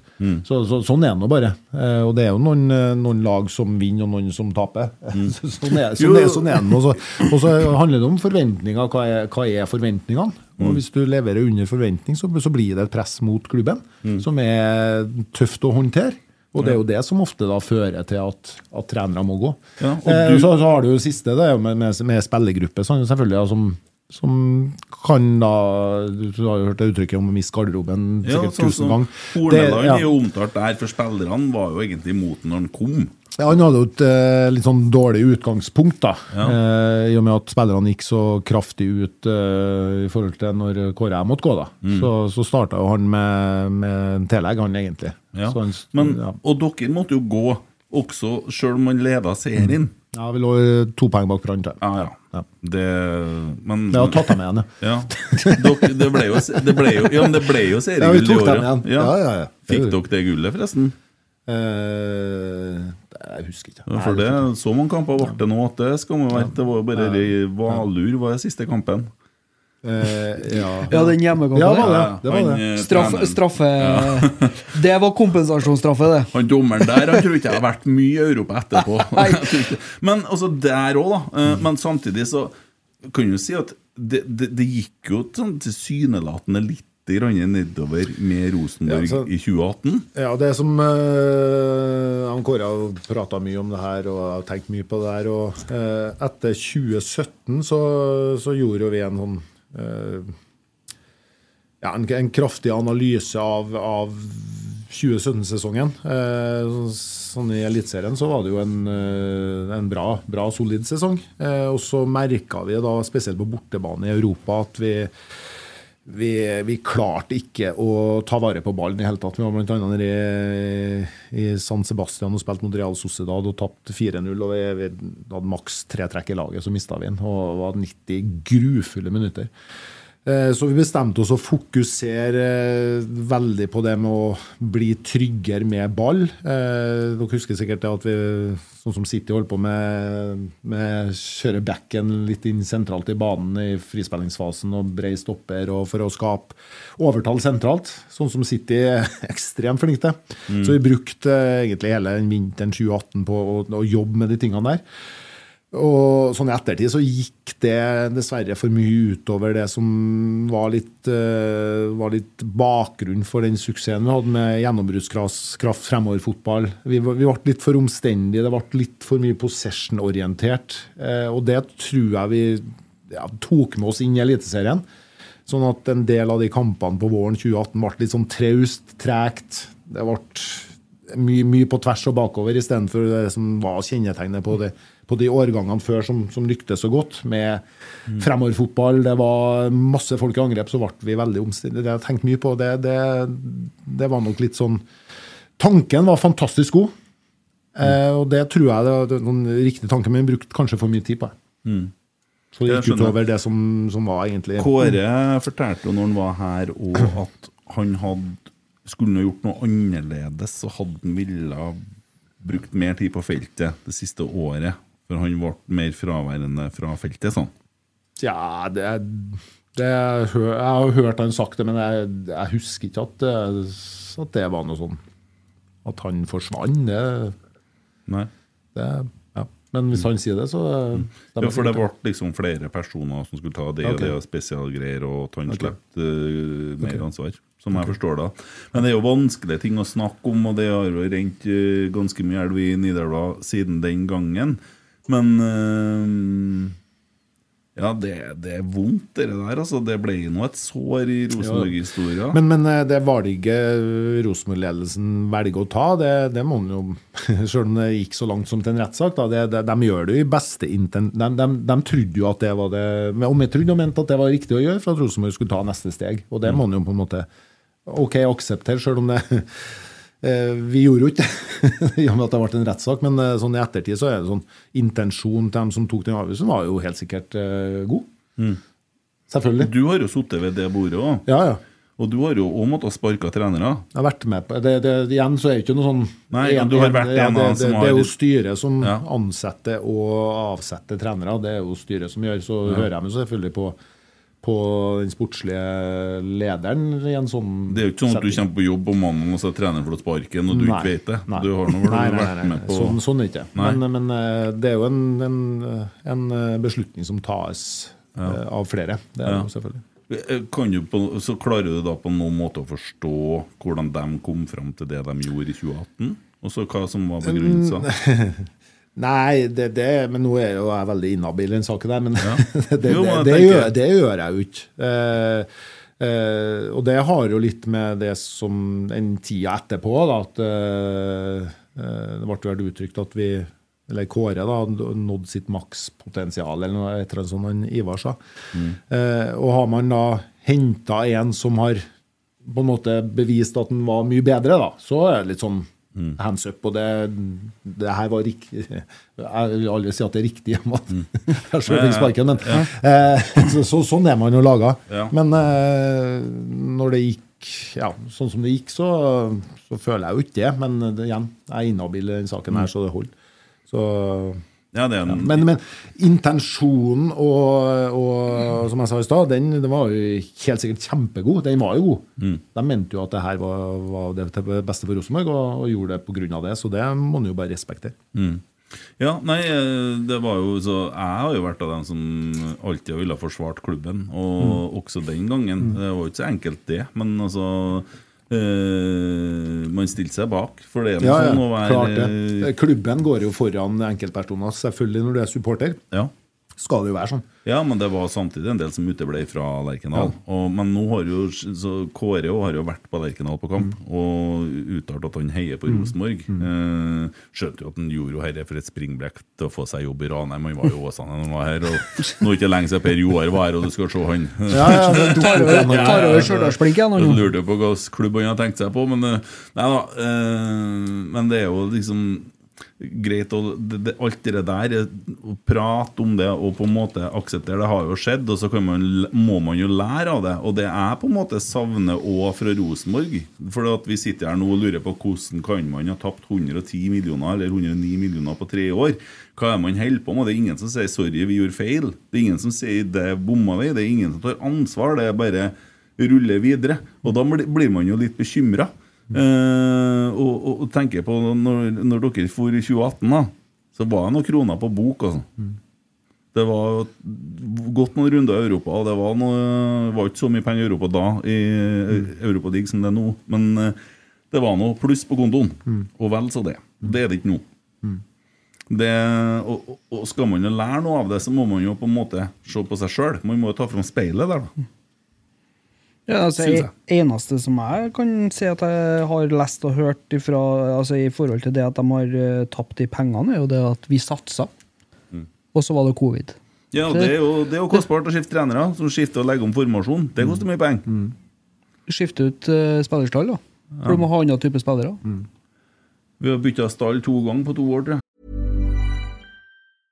Cool fact a crocodile can't stick out its tongue. Also, you can get health insurance for a month or just under a year in some states. United Healthcare short term insurance plans, underwritten by Golden Rule Insurance Company, offer flexible, budget friendly coverage for you. Learn more at uh1.com.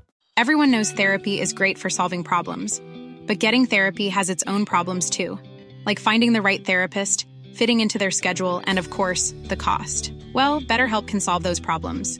It's totally online and built around your schedule. It's surprisingly affordable too. Connect with a credentialed therapist by phone, video, or online chat, all from the comfort of your home. Visit betterhelp.com to learn more and save 10% on your first month. That's BetterHelp H E L P. Burrow is a furniture company known for timeless design and thoughtful construction and free shipping, and that extends to their outdoor collection. Their outdoor furniture is built to withstand the elements, featuring rust-proof stainless steel hardware, weather-ready teak, and quick-dry foam cushions. For Memorial Day, get 15% off your Burrow purchase at burrow.com slash ACAST and up to 25% off outdoor. That's up to 25% off outdoor furniture at burrow.com slash ACAST. Torsdagsbikkja er jo inne på Europa 2010, da. Eh, Hva tenker du om eh, RBKs sjanser i Europa høsten 2010 dersom Hamren hadde fortsatt? Flere spillere har i ettertid omtalt Hamren som den beste de har spilt for. Hvordan var svensken å jobbe med for dere? Nei, jeg var litt innpå i stad. Eh, Erik Hedersmann. Eh, tydelig. Eh, karismatisk. Eh, direkte. Ærlig. Eh, det er bare gode ting å si om Erik Hamren. Vi hadde et veldig godt samarbeid og har hatt en god relasjon eh, etter, etter Rosenborg også, så ja. Men hvordan det, det er jo det, er jo ikke bare vanskelig, det er umulig å si om det har endra noe som helst. Eh, Vi var eh, en, en, en mors glei inni 16-meteren, og da han ikke glidd inni 16-meteren i andre gangen mot FCK i første kampen, så hadde vi vunnet 3-0 hjemme og ikke 2-1. Og da har vi spilt i Champions League i 2010. Så er marginer. Ja, det er marginer. Ja, men uh, der fikk vi igjen for den der, den der uh... Ja, ja, ja, ja. Det så lenge. Stemmer.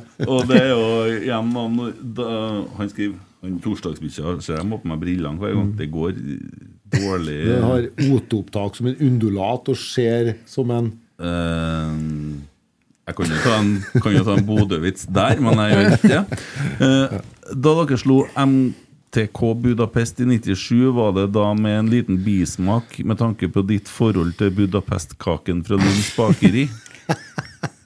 Det er torsdagsbikkja, det òg.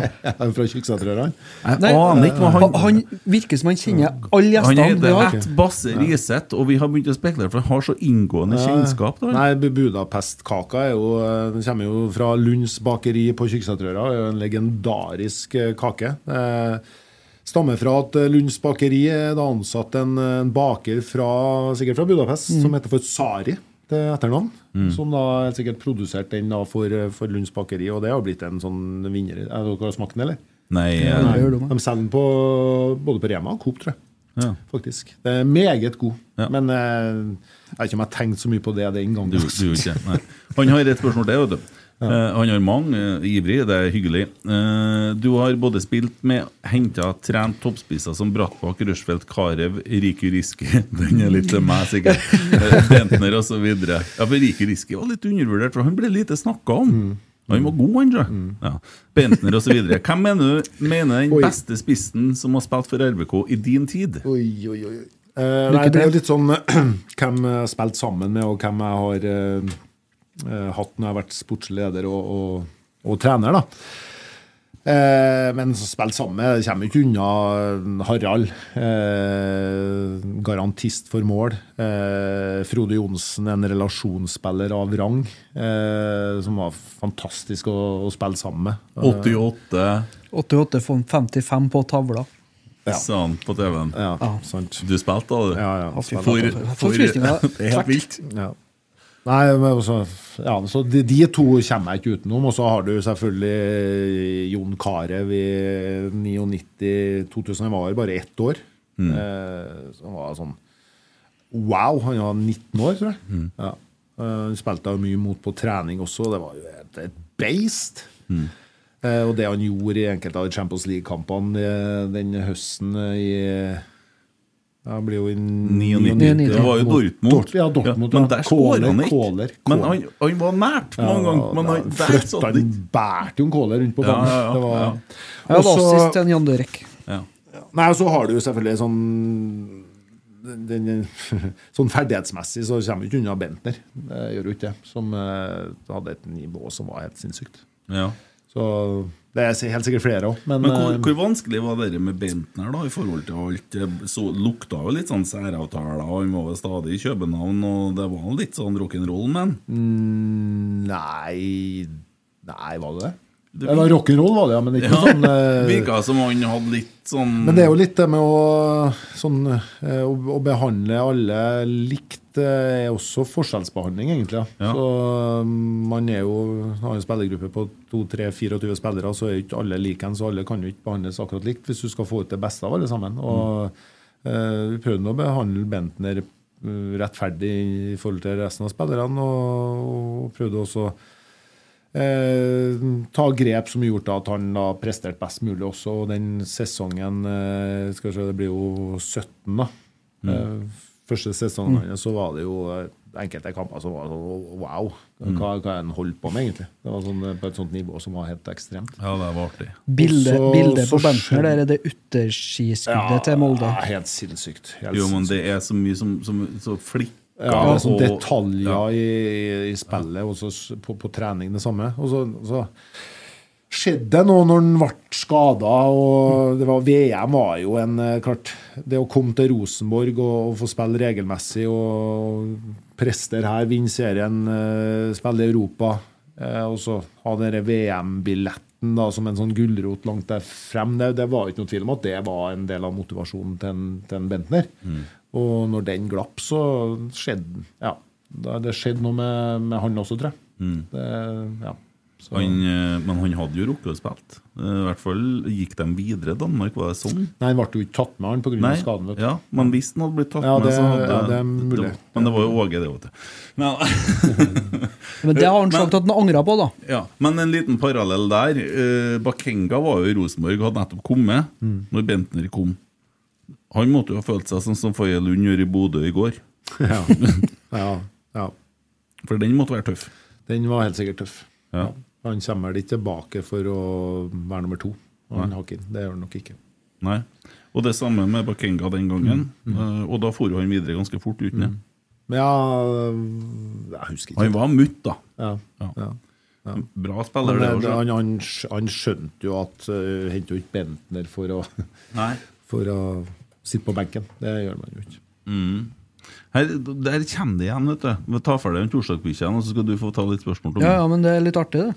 Din gode venn Per Erik mente i sin tid at du måtte være Norges største Bonnie Tyler-fan, og at du spilte i hjel kassettspilleren med låta 'Bitter Blue'. Hva er ditt forhold til Tyler i dag?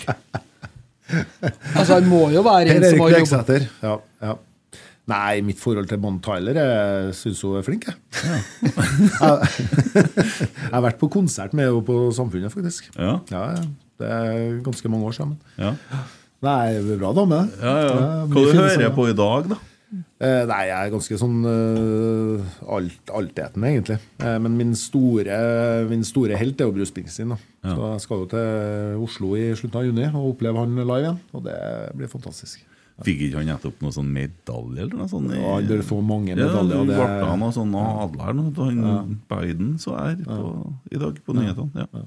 Nei, det er en bra mann. Fin den der eh, serien på Apple TV, hvis du har det. det der har de en sånn der han er spiller inn et album. Ja. Og litt sånn rolig, Ja. rolig filmer, litt atmosfære. Og, ja. ja. Det, er, det, er, Det-. Nei, fint.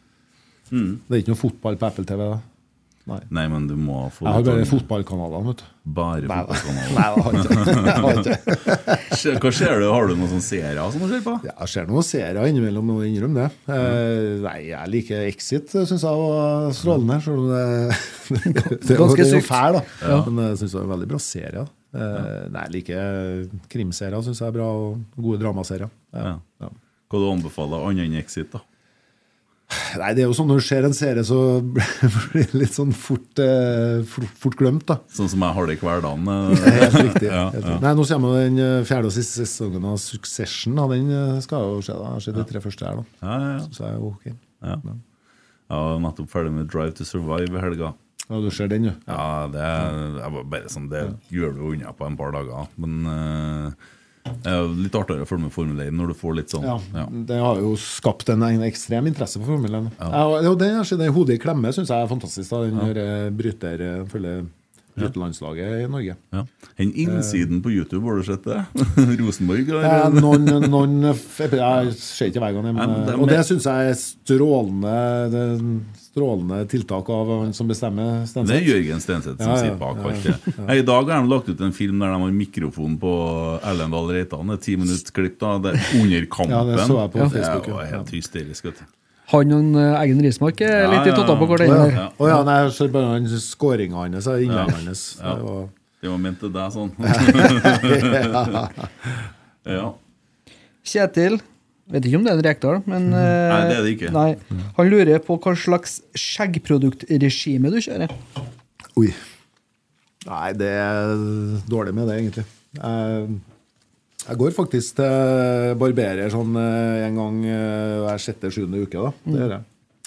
Så prøver jeg å holde litt like sjøl, men jeg lykkes dårlig stort sett. Så ja. Jeg syns det ser bra ut. Da. Nei, nå er det litt for mye Ja. Er det sånn føner og børste og full pakke, eller? Jeg har Først er jeg på, til Nigor på The Box. Ja, ja, Igor er bra. Ja. Meget bra mann. Ja. Det anbefales på det sterkeste, varmeste. Han var på H2 før, sant? Ja. han gikk det han der jeg kjørte sånn type... Han type Fra, fra Nord-Makedonia. Ja. Eller ja, han bodde i Norge i mange år nå. ja, sosial type. Ja. Ja, veldig. Så der eh, sitter jeg en en halvtime og er fotballinteressert. Er Arsenal-fan og følger med Rosenborg. Og nei, han er strålende. strålende. Ja, meget bra mann. Så han har lurt på meg både børste og sånn eh, skjeggprodukter. Sånn, eh, så jeg har nå noe sånn, sånn som lukter litt av og til. da. Ja, ja, ja. Hadde ikke på i dag, da. Nei. Nei, men det er fint. Ja, ser.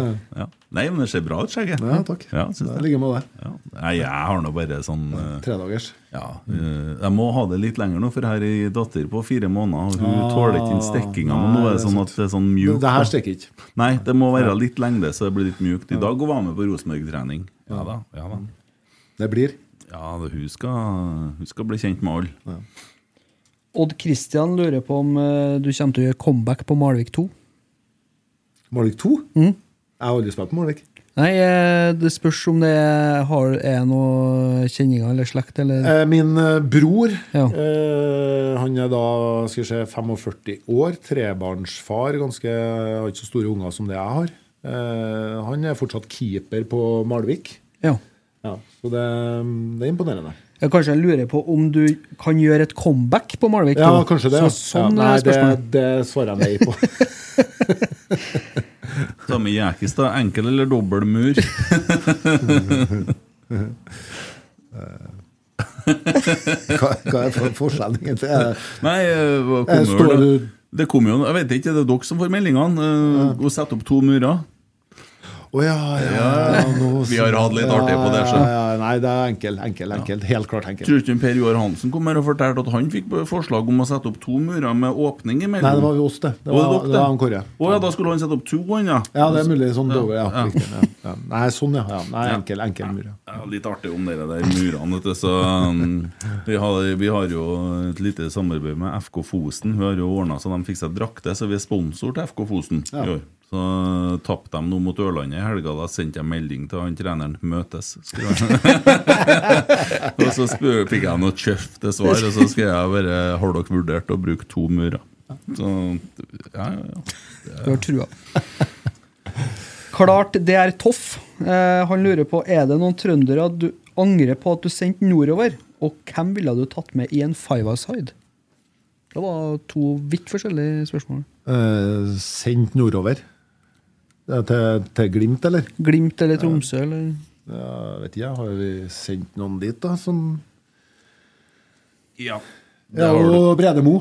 Brede Mo. Du har, du har en hver case. Du har Nei, han for via Ranheim, han Brede, Ja. tror jeg. Nei, han Nei, kom fra Ranheim til Ja, Rosenborg. ja. Men du har en hver. Du har en hver en. Det er nesten en smekk på fingrene. Ok. Fordi at dere hadde uh, unge Alexander Sørloth. Ja. Og så sendte man den til Bodø, og så solgte man den, så kjøpte man en Malek i stedet. Ma nei, hva heter han? Thomas Malek. Jo, men husk på han, eh, han Førstespissen første spissen var jo en eh, Gytkjær, så vidt jeg husker. Ja. så det var jo Vi spilte jo med én spiss. Så han, eh, han Alexander ville jo spille. Ja. Og om eh, han var nummer to så, ble det ikke veldig mye spilletid. da. Nei. Så det var vel hovedgrunnen til at han eh, dro til Bodø-Glimt også. Eh, Alexandra har, har hatt og har en fantastisk karriere og har en, fantast, hatt en fantastisk utvikling. Og det han gjør nå i Spania, er meget bra. Det han gjorde i Tyrkia, var meget bra. Så det er utrolig artig og veldig fortjent, for han har jobba hardt for det. Eh, så sånn i ettertid, så, så Men så vet han jo ikke igjen da, hvordan det har gått. Nei, nei, Han dro men- til Bodø, spilte på seg sjøltillit, begynte å tro på, på de, alle de gode ferdighetene han hadde, og så har det jo bare vokst, vokst på seg. da. Ja.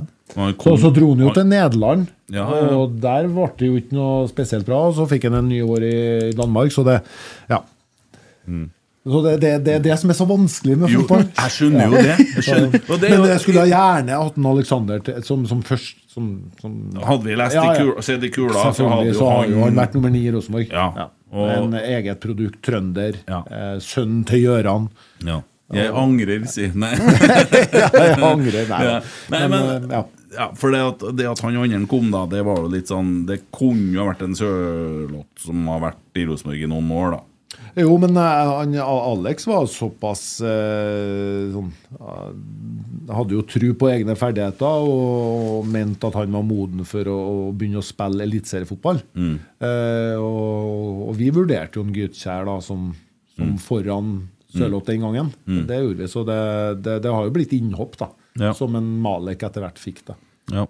Da hadde han tatt over den plassen. Ja, det har han gjort. Det har gjort. Og så spørs om han har vært fornøyd med det. da. Det er jo ikke sikkert. Så, Men for, for Sørloth så har det blitt en fantastisk reise. Jo, men for Rosenborgs del så er jeg jo enig i at vi ville gjerne sett en Sørloth som nummer ni i Rosenborg. Ja, den, det, Udiskutabel. ja. Og så var det hvem du ville ha tatt med i en five-a-side. Altså hvis du skulle Nei, stilt opp et da, det, det er jo brødrene Berg. Ja. Det, var, det, var det relatert til nord, eller? Nei, det er bare, var ikke nei, bare hvem du Nei, da som er det jo, da er det jo 90-tallsgutta, det. Ja. det Jeg er ser nå at jeg har gul markeringstusj her. Det må jeg bytte til en annen farge, for det irriterer meg så gæle fargen her. Så så, det går ikke an å markere med du. Jo da. Nei, Vi hadde jo en eh, skal Det blir 2016, så hadde vi 20-årsjubileum fra San Siro. eh, der vi møttes eh, på brakka. Eh, hele spillergruppa, støtteapparat. Både Nils og Bjørn var, skulle komme, men begge var litt dårlige akkurat i den perioden der, så de, de var ikke der. Og da dro vi opp og spilte cageball, begynte med cageball. Og det var som å skru klokka tilbake. Det, det Relasjonene satt, og bevegelsene så det gikk litt seinere, da.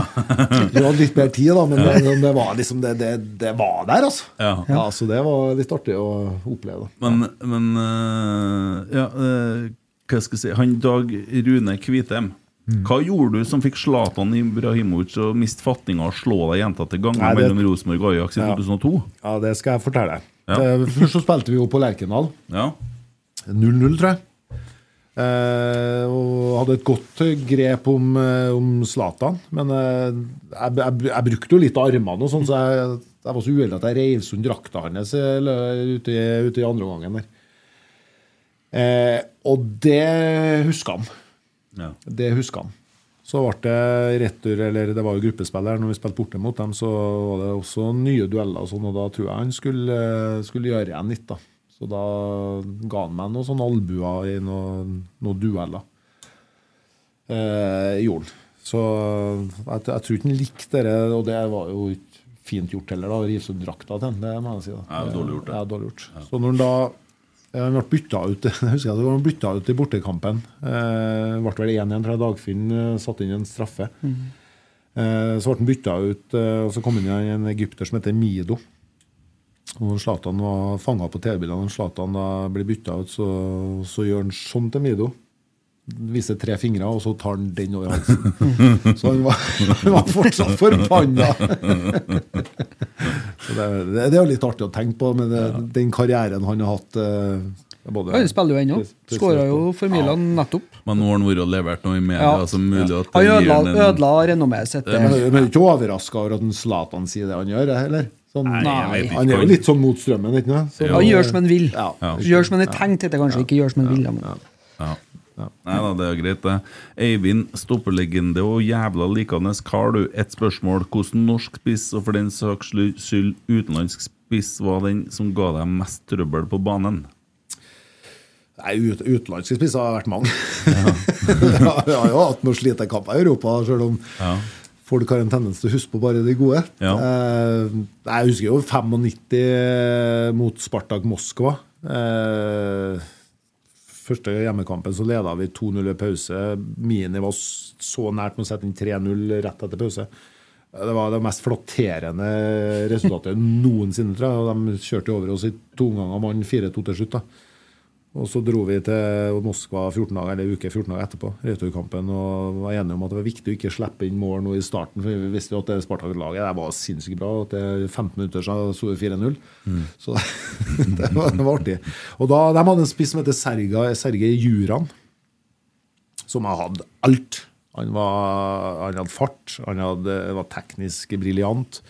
Han var smart. Én touch, to touch. Han var fysisk. Han har liksom, liksom hele pakka. Og han herja jo med meg i to, to kamper. Og etter andre kampen sa jeg "Nei, herregud, jeg må hjem og trene. Det her er så langt unna. Og så, Det her var på høsten. Og så i, på vinteren så blir Sergej Juran solgt fra Spartak Moskva. Eh, og da var jeg så, jeg var så skuffa. Eh, han gikk ikke til Liverpool eller Manchester United eller Juventus eller Barcelona. Han gikk til Millwall på nivå tre en gang. så da tenkte jeg i hvert fall nå må jeg i hvert fall trene. Den gjorde Nei, så han var, han var i en egen klasse den gangen. Uh, han, var, han var russisk landslagsspiller, da, det skal sies. Eh, Del Piero var brukbar. Uh, på Stadion Alfi så kjørte han Han kjørte tre innleggsfinter på meg i samme angrepet. Og jeg er treg da må jeg komme meg. Han kjørte først én og ned og takle. Jeg kommer meg opp igjen. Han går andre veien. Kjører en ny innleggsfinte. Jeg er ned og takler for å hindre innlegget. Og han går andre veien. Jeg kommer meg opp en tredje gang og ned og takler. Og han kjører innleggsfinte nok en gang, og da kom jeg meg ikke opp igjen. han bare spaserer forbi. Så det var pinlig. Ja. Nei, det er altså, Jeg har spilt mot Ari med den ja, gjennombruddskrafta og, og målkarantisten som han er. Så det har vært mye, mye gode spisser. Eh, norsk fotball også mange gode, gode spisser. Eh, selvfølgelig litt lettere å håndtere enn de beste internasjonale. Eh, Lillestrøm har jo hatt noe beist på topp. Mm. en islending hva heter han? Var helt sinnssyk eh, i duellspillet. Jeg, jeg husker ikke navnet på han. Heidarsson. Heidarsson. Kanskje? Nei, Heidarsson. He- Heidarsson. Ja, jeg tror det. Eh, og så han eh, Mick McCabe. Ja. Det var sånn eh, svære spisser med ekstrem fysikk. Men Du har jo noen landslager, nei, landslagskamper. Ja, det har jeg. Det, det, det er jo litt de samme spissene som går igjen i Champions League. Da. Det, det er det jo. Ja, ja, ikke sant. Ja. Ikke sant. Eh, Bare legg til en han FPL Bandido kommenterer diskusjonen som vi hadde i studio sist. Det var litt heit stemning her, og så mellom meg og Christer. Eh, Skryter av det. Uh, og så sier han at den som vil ha suksess, må inderlig unne andre suksess. Lei nedrakking av andre lag. Jeg syns jo det er for lite ned- nedrakking av andre lag. Ja, jeg har jo gjort mitt i dag, da. Jeg har krangla nok. Ja, ja, men det er på Facebook. Du orker å sitte og holde på med det, skjønner ikke jeg. Men, eh, Men men det, det, det, det er jo Nils som uh, står egentlig sånn bak det uttrykket der. Og uh, jeg, jeg syns jo det ligger veldig mye i det, selv om det er kjempevanskelig å gjennomføre. Eh, og og, og det, det motsatte er egentlig at du håper andre gjør det dårlig da, for at du sjøl skal vinne. Mm. Istedenfor at du unner at andre gjør det bra. Og så, for at du skal bli bedre, så må du faktisk da fortjene. Så det er litt sånn jo, jeg forstår den Eh, tankegangen. men Men det, det er ikke enkelt å, å, å stå som trener i Rosenborg og applaudere at Molde og, og Bodø-Glimt gjør det bra i Europa. Det, jeg, jeg, jeg ser den, men for, for norsk fotball, da Ja. eh, Og nå var jo at Bodø-Glimt nå eh, gått videre i, i Europa, så har jo sannsynligvis Norge fått to, to lag inn i Champions League-kvaliken. Ja. Og, og, det, og, og, ja, og, det, og det kunne ha vært Rosenborg. Det kan jo være Rosenborg, kunne ha vært Rosenborg neste år. Ja. Så hvis du greier å se på en måte jo, jeg forstår i et litt større Og det perspektiv. sånn faglig og sånn fotballpolitisk i nasjonalt perspektiv, så skjønner jeg det. Mm. Men eh, vi, når Bodø spilte mot uh, Hva de var fra Kroatia i fjor eh, Dynamo Zagreb. Ja. Ja. Da hadde vi jo draktene deres hengende opp her. Og, ja, jubel og spilt musikken. For at vi er jo supportere. Ja. Og du går jo ikke og så sier til dem eh, på Manchester United Nå må dere holde med City og Europa, Nei, for det er bra for engelsk fotball. Uh, I tillegg så har jeg et argument i forhold til det med neddrakking av andre lag, som er et poeng. da det er nå tross alt bedre da at vi herjer litt med Molde og har den sjargongen. Og så er det klart at det er jo forskjell på å sitte og drikke øl og se at de blir bomba på den nye krigsfilmen eh, og juble over det, enn å snakke om det fotballhatet som vi snakker om, da, som er 90 minutter og den kampen der. Eh, og at vi snakker om Molde og sånn som nå, liksom eh, At de tapte mot Hødd i går. Sant? I stedet for å gå og hogge på eget lag og sitte og slå hull i båten fra innsida. Da er det mye bedre at supporterne begynner å gå løs på motstanderne og lage litt fyring. Det er det jeg mener. Og det tror jeg er likere for Rosenborg, for det er så mye eh, brønnpissere. da Ja. Ja. Nei, så, så, så Får du aggresjon, så er det jo bedre at du tar det mot andre enn enn ditt eget lag. Det er jo Ja, så, eller litt i renting, da. Ja, ja, Sånn som Mini Jacobsen holdt på sånn den gangen eh, han var aktiv. Det var jo artig, han laga jo underholdning. Det er jo ikke ondsinna. Samme med Pål Helland. Og det- Han var Ja, ja. i sin prime. Ja. Og jeg mener at det vi holder på med, er godhjerte og mobbing. Og det er et fint uttrykk. Ja. Ja. Men uh, ja. Men du får ikke meg til å ønske at Bodø går videre i Europa. Nei, men, men jeg tenker sånn, eh, sånn eh, i forhold til egen, eh, egen utvikling, da. Så, så du ønsker jo å bli best eller bedre for at du gjør det bedre sjøl, og ikke for at de andre blir dårligere. Det, det, det, det må jeg si at det er sånn, et, et godt utgangspunkt for utvikling. Da. Det må jeg jo. si. Forstår det, og jeg forstår norske fotballpodkaster som snakker om norsk fotball, som holder med eh, Norge i Europa. Eh, men når Rosenborg kommer seg til Europa, Mm. så håper jeg at Lillestrøm-supporterne er forbanna. Og, og, ja, ja, klart det. Ja. Ja, det, det er jo supporterlivet. Og det må man jo forstå. Ja, ja. Ja. ja. ja. Har et uh, litt fint spørsmål fra Harald Magestad. Uh, takk for en fantastisk karriere som spiller for Rosenborg. Hva tenker du om det litt spesielle at både klubb og landslag gjorde, gjorde stor suksess på samme tid i 90-tallet, sikkert, men med totalt ulik innfallsvinkel på en fotballkamp, og dermed at veldig få Rosenborg-spillere fikk mange landskamper? Altså Drillo og Nils Arne står jo litt Ja, sånn, eh, sånn Hovedtrekkene er jo ganske like det at det skal fort fremover, og, og spesielt det, da, og, og lengderetning. Men eh, veien fremover er jo helt annerledes. Ja. Der Nils ønska å, å gjøre det gjennom midten, eh, helst langs bakken, mens Drillo ønska å spille over midten. Kjedelig at i han var tennisnett. Eh, så nei, jeg, jeg vet ikke om det har så mye med det at, uh, at uh, det var få rosenborgere som spilte seg inn i den elveren på landslaget. Det handla vel like mye om at det var mye gode norske spillere på den tida. Og jeg vet ikke om man, Var det 40 spillere i Premier League eller sånt på 90-tallet? Eh, samtidig. Eh, også spillere i Spania og Tyskland og, og de landene der. Så jeg tror det handla like mye om det. Ikke at det at vi ikke kunne tilpasse oss måten Drillo ønska å spille på. Det, det tror jeg ikke. Litt mer sånn som det er i dag, da, at det er ikke bare det at man er ute i Europa, altså, og spillere går ut i Europa, men at man spiller jo. Sånn som en Ødegaard. Helt riktig. Ja. De spilte og Ja. de var sentral på gode Ja. lag. Og det er helt riktig. Det er et kjempepoeng. Ja. Det, det var man på 90-tallet. ja. For det er Altså, jo jeg, bare, jeg, jeg konkurrerte jo i mange år mot, uh, mot Henning Berg og Ronny Johnsen, som spilte da, det var midtforsvar i Manchester United. liksom. Mm. Det var med å vant trippel i 99. Mm. Så det, og sånn, sånn var det i mange posisjoner. Du hadde den type spillere. Ja, du ser nå både Bjørneby og Heggem som spilte fast i Liverpool. Heggem dessverre skada, Solskjær, Flo i Bergdømo. Chelsea og United og ja. Mm. Så det var, det var, de var i store klubber og spilte. Ja, Ja. det har jo en Du, du holder på å havne i Napoli. Mm. Det ble ikke helt sånn. Den her, ja. Den her, ja. Fordi at du fikk eh, kontraktstilbud fra dem? Ja, jeg var ned sammen med Rune Hauge og forhandla med Napoli-ledelsen i Roma. Eh, og ble presentert en avtale. Det var jo den gangen det var lire i Italia. Så det var ganske mange nuller. så han Hauge hadde jo en sånn kalkulator med et kjempesvær vindu. Ja. Og han trykte på ganger og skal se hva du tjener i året og sånn. Og det var jo det var jo så mye nuller, vet du. Så det var sånn, Hæ?! det, var en, det var en bra avtale. Og så skulle jeg jo tygge på det og dro hjem. Og da hadde jeg møte med, med Skutle og styret i Rosenborg. Ja. Og da fikk jeg tilbud om en, en femårskontrakt i Rosenborg. Og ja, etter mye tankevirksomhet og også selvfølgelig diskusjoner på hjemmebane. Jeg, jo, jeg var gift og to, to forholdsvis små barn.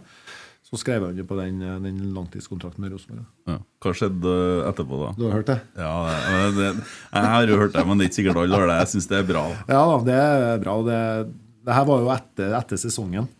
Sånn, eh, Nils har jo dratt på, på ferie nå. alt det her skjedde med Napoli. Jeg var i Roma og tilbake og forhandla med, med Rosenborg. Og sånn, så og det var, jo, det var jo før mobiltelefonens tid, så det, jeg har jo ikke vært i kontakt med Nils overhodet i, i den der caset her. Han hadde det sikkert tøft, da.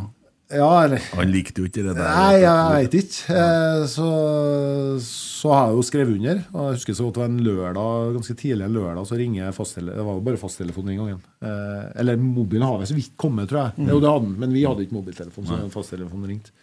Så den eldste sønnen min, da er det sju år eller noe sånt, som tar telefonen, og så 'Pappa, pappa, Nils Arne vil snakke med. Så det er Nils Arne som ringte. Og på vei fra jeg var på kjøkkenet Fra kjøkkenet og ut i gangen der telefonen var, så rakk jeg å tenke det at eh, dæven, nå ringer Nils og skal gratulere meg med ny avtale, og så bra at det ble og alt sånt der. Og, og 'Hei, Nils', sier jeg også. «Eh, Nils her. Altså, du trengte ikke å si det når jeg sa 'hei, Nils', men han sa det. Eh, «Øh, nå kommer du på brakka en tur, sier han. Ja, ok. Nå må vi gå gjennom den eh, avtalen eh, du har nettopp har skrevet under. Nå, nå, nå tjener du altfor mye.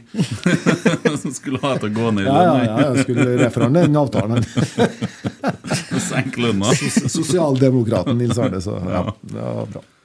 Det ble ikke helt sånn, da, men eh, Nei. Og det var ikke noe sånn eh, Det var ikke sånn eh, at jeg tjente ti ganger så mye som andre. Det var en god avtale, men ikke noe sånn, eh, sånn Det var ikke sånn som i dag.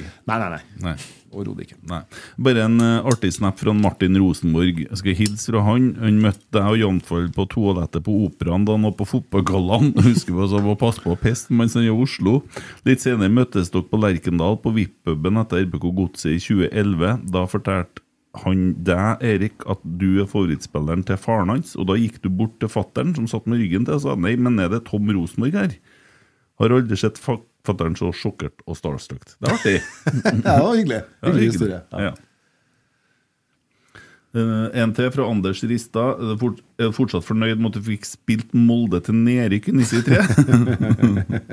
Roar har jo sagt det mange ganger sånn litt på spøk at eh, det var mission completed. Det var når han dro til Molde i 93, og Molde rykka ned, og så dro han tilbake til Rosenborg. Men Ja, ja, ja. nei, det, det, det var ikke vi. Det var, det var å leie oss for det, selvfølgelig. Det, som jeg sa tidlig i podkasten, så så hadde jeg to kjempefine år i Molde. Det er sikkert å bånd i kirka, men det hadde jeg. Og viktig for min utvikling. Og, så jeg har ikke noe sånn, Jeg har jo bare gode følelser fra de to årene. Og det var kjempe, kjempetrist å rykke ned, selvfølgelig. Ja, så jeg synes jo, Nå er det jo mye rart som kan sies om Molde, da, men én ting som jeg har lagt merke til, det er at jeg synes uh, han uh, treneren deres han, eh, nå Erling Moe. Erling Moe fremstår som en meget jovial og mm. artig type. Så- Med litt sjølironi òg.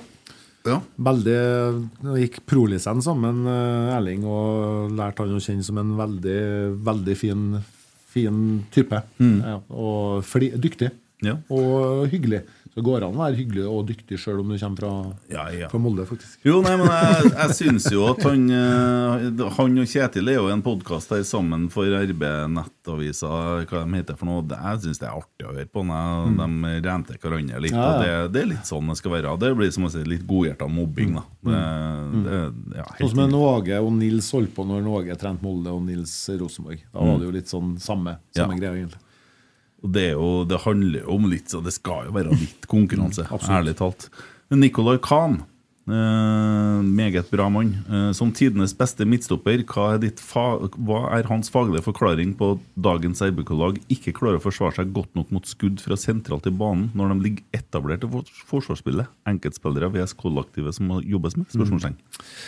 Eh, nei, det, de er jo litt for uh, engstelige for rommet bak seg, da. Og tar ut litt for mange meter og gir bort eh, det litt farlige rommet. Det, Viking er jo et veldig godt eksempel der de er mer enn nok folk på rett side, men det er ingen som, som, som tør å stå opp i de spillerne som vandrer inn i det rommet der. Og det og Fordelen med tre stoppere, da, eh, selv om jeg foretrekker to, så er det jo selvfølgelig fordeler med en, en sånn, sånn formasjon som Rosenborg spiller nå. Det er jo at man, eh, man alltid kan være Som stopper kan jo være mye tøffere å støte oppi, for du vil alltid ha folk bak deg i sikring. Da. Ja, så de er litt for enkle. og det, det gjelder ikke bare i, syns, syns jeg, da, det er jo min mening når jeg ser dem, at det gjelder ikke bare i rundt 16. Det er sånn, litt sånn i, litt høyere oppe i banen nå, så syns jeg de senker seg litt for tidlig. Ja. Men litt for redd for rommet bak seg. Ja. Det er jeg helt enig i. Og det der målet vi fikk mot Viking her, det fikk vi mange ganger i fjor. Og jeg er jo mer dristig.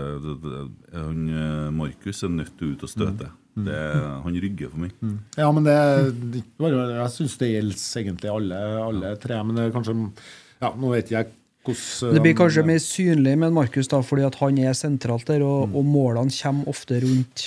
Ja, målene kommer jo ofte sentralt. Ja. Når, du, når du kommer fra på, på skuddhold, så gjør du det. Det var jo litt sånn prime eh, 2022, de to målene Viking skårer mot oss i cupen. da, For det er et skudd sentralt til banen, og så er det en uheldig ballmist som fører til kontring imot. Det må jo være litt sånn deilig. Og jeg mener jo at dere er fire seriegull, da. For at jeg mener jo 2018 det er jo dere med på. Og så kunne sitte etterpå og si at nei, de skulle ha Du har jo liksom litt eh, Nei. Det, det er som å selge til gull, dere, så kan du si at, at hvis dere skal lykkes med sangen der, så må dere Nei, nei, nei. nei, nei overhodet ikke. Nå, nå sier jeg bare sånn som jeg Ja, ja, ja. observerer med egne øyne. Det, men som sagt, jeg, jeg, jeg, jeg er jo ikke daglig til stede sånn som du er. Og, og alltid presis. Ja, ja, ja. Det er Så, sikkert det. ja. Og kjenner jo ikke til hvordan de jobber og tenker og prater. Og, nei, så det, det blir jo synsing. Ja, ja, ja. Det er jo det man kan ha friheten til å gjøre i Ja, en ja, podkast. absolutt. Og Absolutt. melde litt og mm. Robin Vullum lurer på om en Bjørn Otto var den beste midtstopperkollegaen. Ja, det vil jeg si. Sånn, eh, vi hadde en eh, utrolig bra relasjon, både på og utenfor banen, og hadde mange, mange fine år sammen. Eh, fikk jo juling sammen også, spesielt eh, ja, eh, 95, husker jeg. Da tapte vi bl.a. i siste kamp mot Blackburn, tapte vi vel eh, 4-1 eh, borti England. Da var det to kamper mot Spartak, som vi snakka om i stad. Eh, så, eh, så Så vi fikk jo mye kritikk det første, første året i Champions League, husker jeg. Eh, og det med tre, tre stoppere vet du, det, det, det var ikke helt fremmed for Nils Arne, heller, vet du. Nei. Det, men det vet dere kanskje ikke. Jo. Dere gjør det? Ja. For eh, inngangen til 96-sesongen, da var vi på en sånn teambuildingstur til London med, med bedre halvdeler. Helt i januar 96. var Rosenknoppene. Ru, Rosenknuppene. Knoppene, knuppene. Eh, og da hadde vi da litt sånn faglig også. Og Nils innleder da møtet. Vi samles alle spillerne, eh, Rosenknuppene, da ut på sightseeing og kose seg.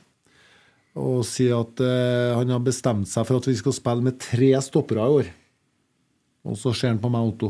For dere to greier ikke det alene. så ja, Det ble bare med tankeeksperimentet. Så gikk det jo bare bedre og bedre. Og vi, vi ble en veldig bra duo som utfylte hverandre ganske bra. Eh, forskjellige styrker og, og svakheter, egentlig. Ja, det, så jeg vet, for Han skriver litt om det i boka si, i forhold til det at han begynner å eksperimentere. Men han begynner å tvile litt på seg sjøl og har noen tanker fram og tilbake rundt det. Da er det 3-5-2 faktisk det som er tanken. Så, men når 3-5-2 funker, så er det bedre artig å se på. Husker du Italia i var det VM?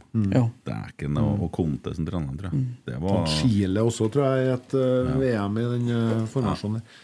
Nei, Så du har jo mange lag som behersker 3-5-2 godt. Det er jo ikke noe tvil om. Det har vært spesielt italienske lag. Spesielt Har eh, italiensk. vært veldig glad i den formasjonen. Og så Molde brukte jo i fjor, og de brukte jo med knallhard defensiv struktur. De slipper unna med det. Sant? Så Leder 1-0 i Lillestrøm. en kamp, så låser de eh, butikken helt, og så spiller de litt sånn Possession. Det, det kan jo ikke vi gjøre, for da blir det styr. Så Hvordan er det i forhold til å så Du ser sånn som Rosenborg nå, vi snakker om 95. Husker du hvordan Lerkendal så ut da? Og hvordan det så ut der tidlige årene. eh, Og det man har bygd opp. Og det har jo bare ja, det, Vi snakka om banene i stad. Sånn, Anders Øyen får å levere til gull eh, hvert år her. Eh, og alt det som er her nå, da. Eh, og det er jo en medlemseid klubb. Hva tenker du om det, i forhold til at vi er en medlemseid klubb? Nei, det tror jeg helt topp. Det at medlemmene er med og bestemmer de store linjene i Rosenborg, Sånn de er. Det er jo dem som eh, bestemmer hvem som skal sitte i, sitte i styret, og egentlig har øverste myndighet i, i klubben. Eh, Så det tror jeg er kjempesunt. Og det, nå har jo en del andre norske klubber med en sånn eh, dualmodell med, med to, to styrer og et AS. Og, og det er ikke så lett og enkelt å vite hvem som bestemmer. Eh, når pengene kommer fra én plass, og, og sporten ligger på en, på en annen plass. Eh, og vi har nok noen eksempel på at eh, det ikke sånn foregår helt etter boka. virker det som det.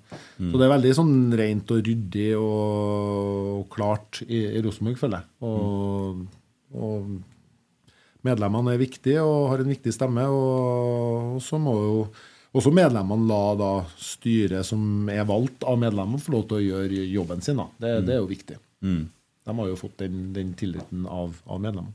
Ja, men Det borger jo for mer drama, mer meninger. For folk har større det- eierskap, ikke sant? Ja, men det fører til større engasjement òg, tror jeg. Så det, Mm. jeg, jeg tror det er positivt. da. Godt å høre. Det er jo litt fint å sy inn eh, spørsmålet til Inge Brå da, i den forlengelsen her. For Hvilke tanker har du om hvordan klubben bør organiseres for å sikre at klubben har en rød tråd i klubbdrifta, slik at nye trenere slipper å kjøpe en helt ny spillerstall ved trenerbytte? Sportsdirektør, hvem bør ansette trener, sportslig alibi i styret, etc.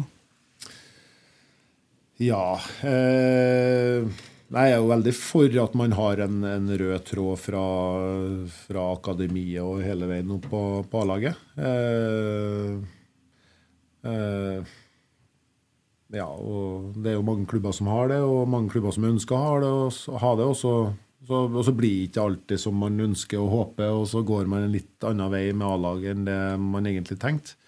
Eh, så jeg, det er jo ikke noen sånn fasit, men jeg, men jeg tror at det er lurt at akademiet gjør det samme som, som A-laget. Det, det tror jeg. Og den, at den røde tråden er, er ganske rød, da.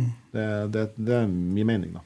Men I forhold til rammeverket i klubben da, når det kommer til treneransettelser så Man gikk jo fra Dokker til Horneland. Det er 4-4-2 var utgangspunktet, og så gikk han over til 4-3-3. Så kom Åge, og han skifta jo litt. Han hadde jo litt forskjellige varianter. Og så kommer det nå 3-5-2.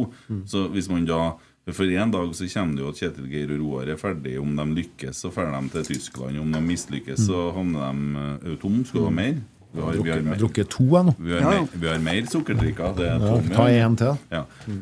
Det er ikke sukkerdrikker. Pepsi Max. Maximum taste, no sugar. Men eh, eh, også, hvis man da går inn og henter en 4-3-3-trener nå, eh, ved neste korsvei, for det kommer jo alltid en korsvei, eh, så må man jo bytte ut halve stallen igjen, da.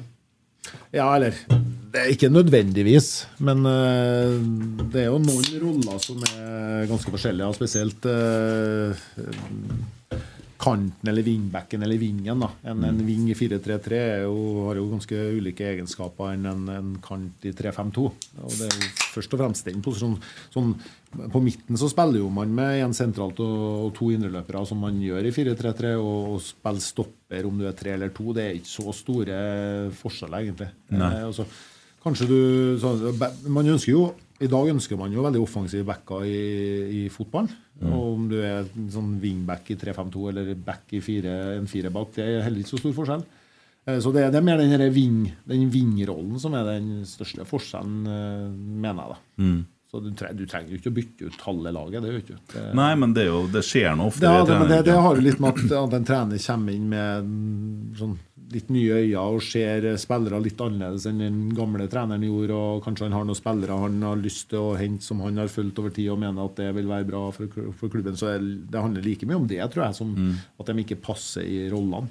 Eh, Men man ønsker å sette sitt, preg, pre, sitt eget preg på laget. Ja. ja, for jeg tror grunnen til at Inge spør òg, uten at jeg vet det Men altså, det, en ting er at det koster jo penger å sparke trenere. Hem, hem. Nei, det gjør ikke det. Det er billig. Men også, og så er, Hem, hem, så er det da når du skal ansette nye, så, så ryker det en del spillere, og det er kontrakter, og det er ditten og det er datten, og det, det ser ut som at det er spillerlogistikk som har uh, tappa kassa nå, da. Jo, det, det, det blir ofte store utskiftninger, men jeg, jeg tror ikke det handler først og fremst om at man ikke greier å switche fra en formasjon til en annen formasjon. Det handler mer om at treneren da ønsker den typen istedenfor det. Og, og, og som, jeg, som jeg gikk gjennom 3-5-2-4-3-3 i stad, så er det ikke så store forskjeller på de fleste av rollene. Mm.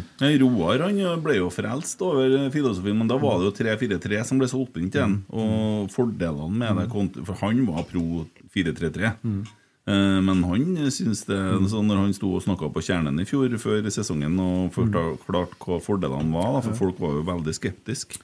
Ja. Nei, sånn, det blir jo litt sånn i forhold til det som vi er vant med i Rosenborg Om du, om du spiller 3-4-3, så får du jo litt det samme i det fremste leddet. Mm. Med én spiss og to, to vinger. Og så mister du på en måte den trioen på midten. da. Eh, det blir jo en firer istedenfor en, eh, en treer. Eller en toer istedenfor en treer sentralt. da. Ja.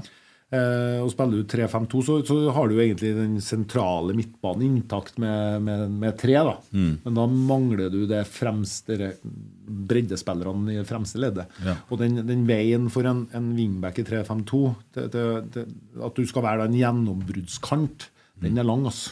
Den er lang. Ja. Og da, jeg mener jo mis, Men igjen, jeg er jo en fire, et produkt av 4-3-3. Jeg mener at, den, det, det, at du har mulighet til å ha gjennombrudd eh, både sentralt og fra kant, er noe av hemmeligheten bak Eller noe av det beste med 4-3-3. da. 3-5-2 så blir det gjerne at det er to spisser som, som Men så er det jo stor forskjell på du sier Rosenborg òg. tilbake med Jon Carew på laget. Og, og noen kamper spilte ikke med Frode Johnsen og hva Det var to spisser. Det var jo egentlig Assar. Ja, Vi hadde jo tre tankspisser på topp. Det var en snodig 4-3-3. For det var ikke noe typisk kanter, det som eh, sto lammen. da Men da Nei, men du hadde litt sånn, eh, litt sånn utgangsposisjon. Mm. Litt annerledes, da. Ja, og det vil jo variere veldig fra hvor spillertyper var på banen. ikke sant? Da Stefano Vecchia han gikk jo for litt sånn fritt. Carlo har jo gått litt fritt. eh, Så det, og da blir jo tallkombinasjonene litt annerledes òg. Så vet jeg vel at det har vært Hva det blir, da? Det, da, da blir det jo sånn nerding, da. Eh, Men det er på tre, tre fire, to og det, det, sånn og sånn. Og det er mye forskjellige ting som man Ja. Men det jo det er jo nyanser som regel. da. Det, Mm. det, det er jo det. det ja. tre vent, ja. 3-4-1-2. Nei, tre Ja, blir det det? ja? 3-4-1-2. Ja, det er det. Ja, Det var en sånn tanke. Og det er den frirollen, tror jeg. Ja, nei da. Eh, jeg- blir helt på å gå tom på spørsmål nå, sant? Ja, jeg har ett igjen. Ja, Er noe Champions League? sittet her i to timer. Ja, ja, ja. Tida går fort. Når han har det artig, vet du. To minutter. Ja. Det, Wow. Ja, ja, ja. Det, det er hygge, vet du. Det er jo litt hyggelig, for det er jo en Zappara, og han var jo vi veldig glad i. ja, ja. Hvor treningsvillig var Zappara? Spør han Jørn eh, Henland. Eh, nice. Bra. Fin, eh, f- veldig fin gutt. Eh, og så- det er ikke alltid det handler om å springe eh, mest og lengst, da. Eh, og når vi spilte uh, spilt, eh, fotball på trening, og, og det var sammen med Steffen òg eh, Det handler om å bevege seg riktig ofte. Da. Eh, og det var både Steffen og Marek eh, ekstremt gode på. da Men Marek han røyka jo mens han var i Rosenborg. Ingen, ingen kommentar. Jo, jo, men det har han jo fortalt sjøl om i avisa. Sto og tok seg en røyk. Det, det, det er ikke lenger siden, vet du. Jeg trodde det var bare en keeperen i Odd da, som husker jeg, han var Holtan. Holdt ja. Røyka. tilbake på Preben Elkjær-tida. og Ja. Husker han? Nei det- Hvor-. Hvordan- overstod du det? Han ble jo verdensmester i 92 Nei, europamester oh, ja, ja, i 92. Okay. ja, ja, ja. Eh, Beist av en spiss. Han eh, satt jo på toalettet hele pausen og røyka. Men det er jo litt sånn typisk. Var Danmark hadde jo, hadde jo en strekspiller, eller en midtback òg, i håndball, som røyka. Ivan Balic og røyka og drakk jo. Det er sånn merkelig når du tenker toppidrett, da. Men eh, det er jo noen som eh, med den livsstilen klarer å prestere bedre òg, da. Ja, Da er du litt inne på det du snakka om i stad. I forhold til når du ser kamp i reprise, så har tempoet kanskje endret seg. Mini Jacobsen satt der og hevda at Rosenborg anno 95-6 hadde kommet til å slå Rosenborg sånn som det er nå. Jeg er ikke så sikker på det, for jeg tror forutsetningene er litt annerledes i dag. Det går jo så fort. Nei, men det, det er jo umulig å det, Ja. det, ja, for Fotballen eh, utvikler seg ekstremt. Så, Men eh, gitt Sett den gjengen i, på 90-tallet inn i eh, konteksten i år. Så, så, men det, det, det går jo ikke an. Nei. Med det talentet og de, de typene og sånn. Mm. Eh, men det er jo umulig å sammenligne fra tiår til tiår og generasjon Ja, ja. Nei, Hvis man hadde trent på samme måten og hadde det samme grunnlaget, og ikke juksa på sånne O2-tester og sånn der Helt halve riktig. laget Jeg var ikke med på den testen. Nei. Rosenborg Men jeg var med, men jeg ble ikke meldt inn. Verdien min ble ikke meldt inn. For Rosenborg kom helt i Ja, toppen på en sånn Men det var jo sju spillere som uh, ble med på målinga. Ja. For da, da hadde da det, det, det var jo i Europa, det, sant? Men det er jo et genialt trekk av Nils. da Mm. Og da er det bevist at vi er det best trente laget i verden. For vi har jo de beste verdiene med de spillerne vi valgte å, å ta snittet av. Det er var jo helt fantastisk. Leonardsen, eller? Ja, med flere, da. Ja. Men uh, det var en del Jeg, jeg, jeg kunne jeg trukket ned snittet, da, så det var ikke noe lurt å ha med meg der. Hvordan er det med treningsformen i dag? Min? Ja. Ja, det er bra. Ja. Ja, ja. Med de nye hoftene? Ja, ja, det fungerer kjempebra. Ja. Ja. Ja, så du, du springer og Ja, ja. ja. Tok det lang tid når du opererte hoftene? og Bytta eh, Står det vi snakker om nå? Ja, ja, det, her gikk man inn og kappe av lårbeinet med sag. Ja. Og jeg, ikke narkose, ligger eh, med epidural, så jeg ble bedøvd herfra opp. Nei, herfra ned, da. Ja, ja. det er jo jævla vondt. Det er Nils Arne-uttrykk.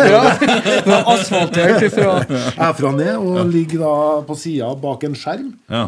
Og får bare litt sånn eh, beroligende for at jeg skal slappe av. Og du hører zzz, begynner sangen å gå. Og så ser du støv. Nå sager de av foten min! Ja. Og det gjør de. Ja. Og så tar de ut øverste del av hoftebeinet med den kula. Ja. Og så banker de inn et nytt et, med sånn ordentlig sånn her. Og setter inn da en ny kopp.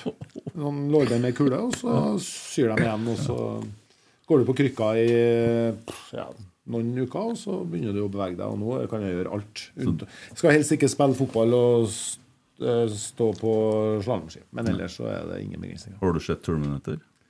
Eh, Jeg har vel sett en av de filmene, men det jeg syns jeg gjennombra den. Nei, for du er på tur til å bli en sånn Ja. cyborg. Men jeg må si at det- det- legevitenskapen er, det er helt fantastisk. At det går an, egentlig. Syns ikke Terminator er bra? Nei. Da tror jeg vi må avslutte. Og jeg er fan. Ja, ja, Nei, er fan jeg liker, jeg liker filmkunst, vet du. Det er jo Ja, ja, ja. Nei, sier du det, ja? Hva, altså, når du ser tilbake, da Nå er jo Nils Arne gikk jo bort for et år siden, og dere har sikkert mimra litt, og noen ting dukker opp uh, ja, uh, foran det andre. Når dere sitter og mimrer og snakker om Nils Nei, Arne. da er det gode historier, egentlig. Eh, og det Vi savner jo Nils. Og savner å både møte ham og dra og besøke ham og, og snakke fot, diskutere fotball med han. Eh, og høre på alle historiene han har. Eh, så det, det er jo et, et savn, det. det som jeg sa, sa litt tidligere, og jeg har fått, fått lov til å være med på den, den, eh, alle de årene sammen med, med han. Eh, Det er veldig privilegert som har fått lov til. Og har så mye gode minner og så mye gode opplevelser eh, sammen med han og gode lagkamerater og, og resten av dem som, som utgjør Rosenborg. Da. Hvordan tror du livet ditt hadde vært uten Nils Arne Eggen? Eh, Nei, det er Eller hva ble livet med? Nei, jeg, Nils Arne er den eneste treneren, tror jeg, som, eller eneste fotballmannen som aldri har nevnt til meg at jeg var treg.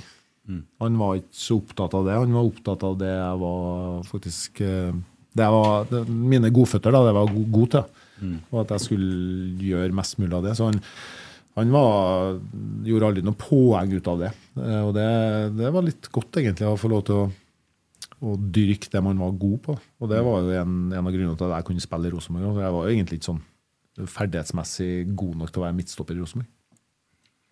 Under andre trenere. Det, det tror jeg faktisk ikke. mm, for du ble midtstopper når du kom hit. Nei, jeg var jo egentlig midtstopper i, i Kiel Hemne. Oh, ja, i, spilte jo andredivisjon der i flere år. Men i Molde spilte jeg stort sett i andre posisjoner. Spilte mye eh, høyreback, spilte litt på midtbanen. Kun noen få kamper som stopper.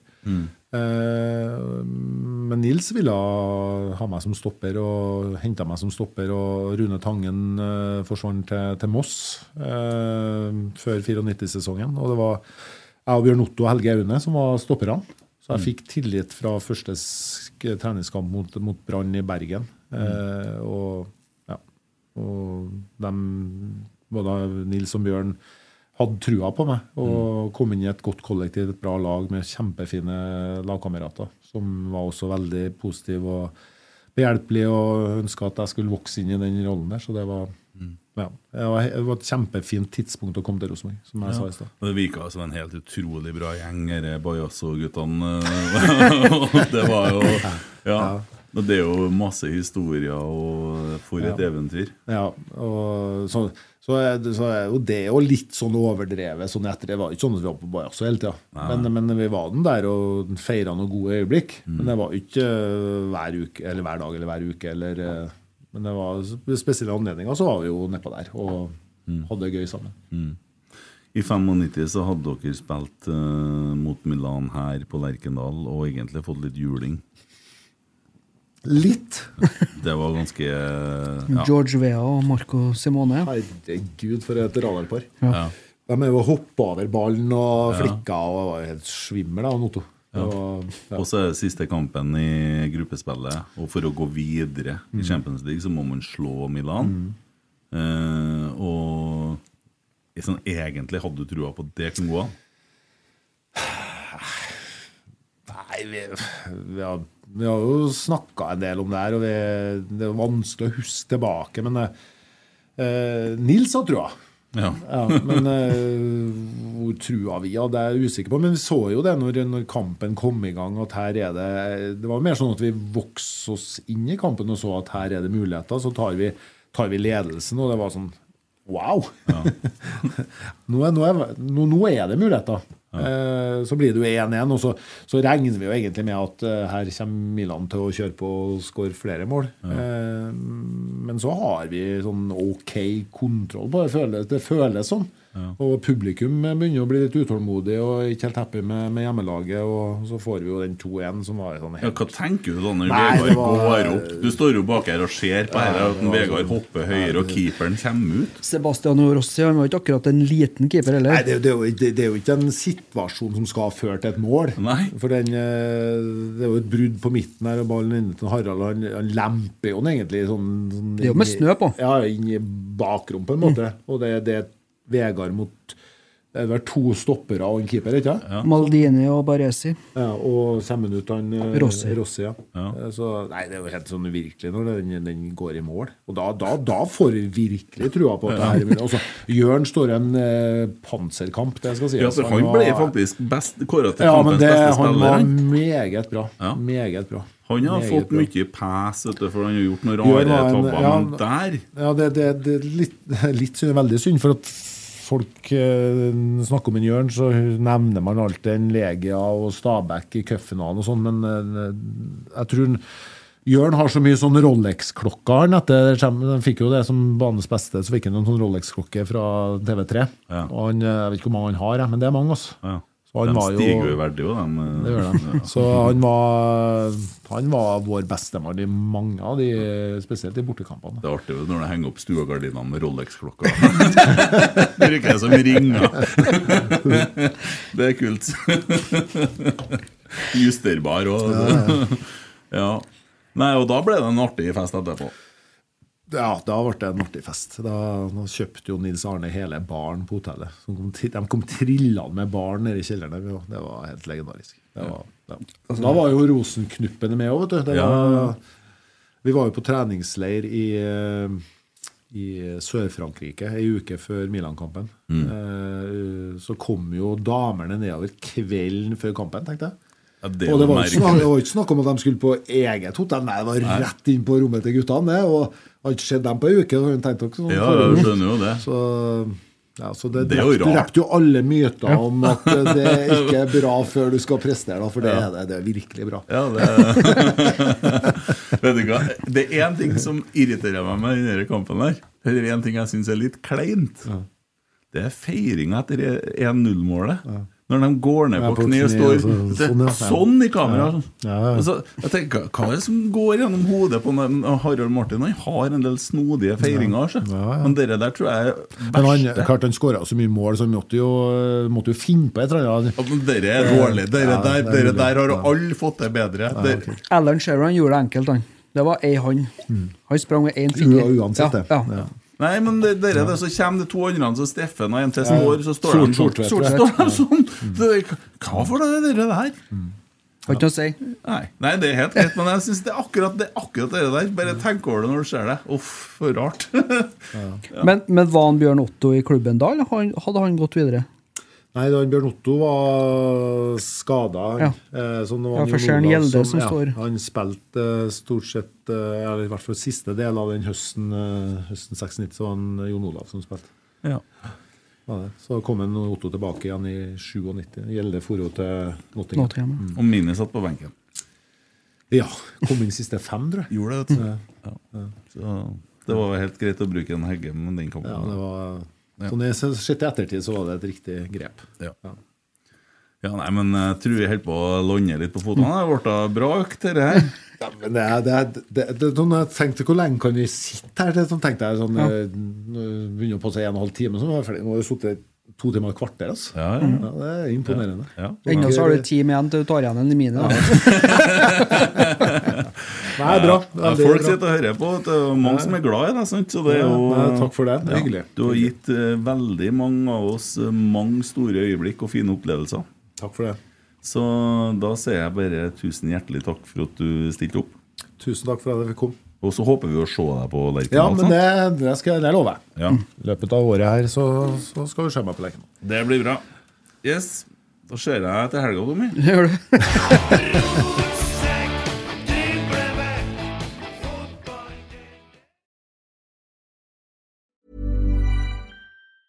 Hey, it's Danny Pellegrino from Everything Iconic. Ready to upgrade your style game without blowing your budget? Check out Quince. They've got all the good stuff shirts and polos, activewear, and fine leather goods, all at 50 to 80% less than other high end brands. And the best part? They're all about safe, ethical, and responsible manufacturing. Get that luxury vibe without the luxury price tag. Hit up quince.com slash upgrade for free shipping and 365 day returns on your next order. That's quince.com slash upgrade. Even when we're on a budget, we still deserve nice things. Quince is a place to scoop up stunning high-end goods for 50 to 80% less than similar brands. They have buttery soft cashmere sweaters starting at $50, luxurious Italian leather bags, and so much more. Plus, Quince only works with factories that use safe, ethical, and responsible manufacturing. Get the high-end goods you'll love without the high price tag with Quince.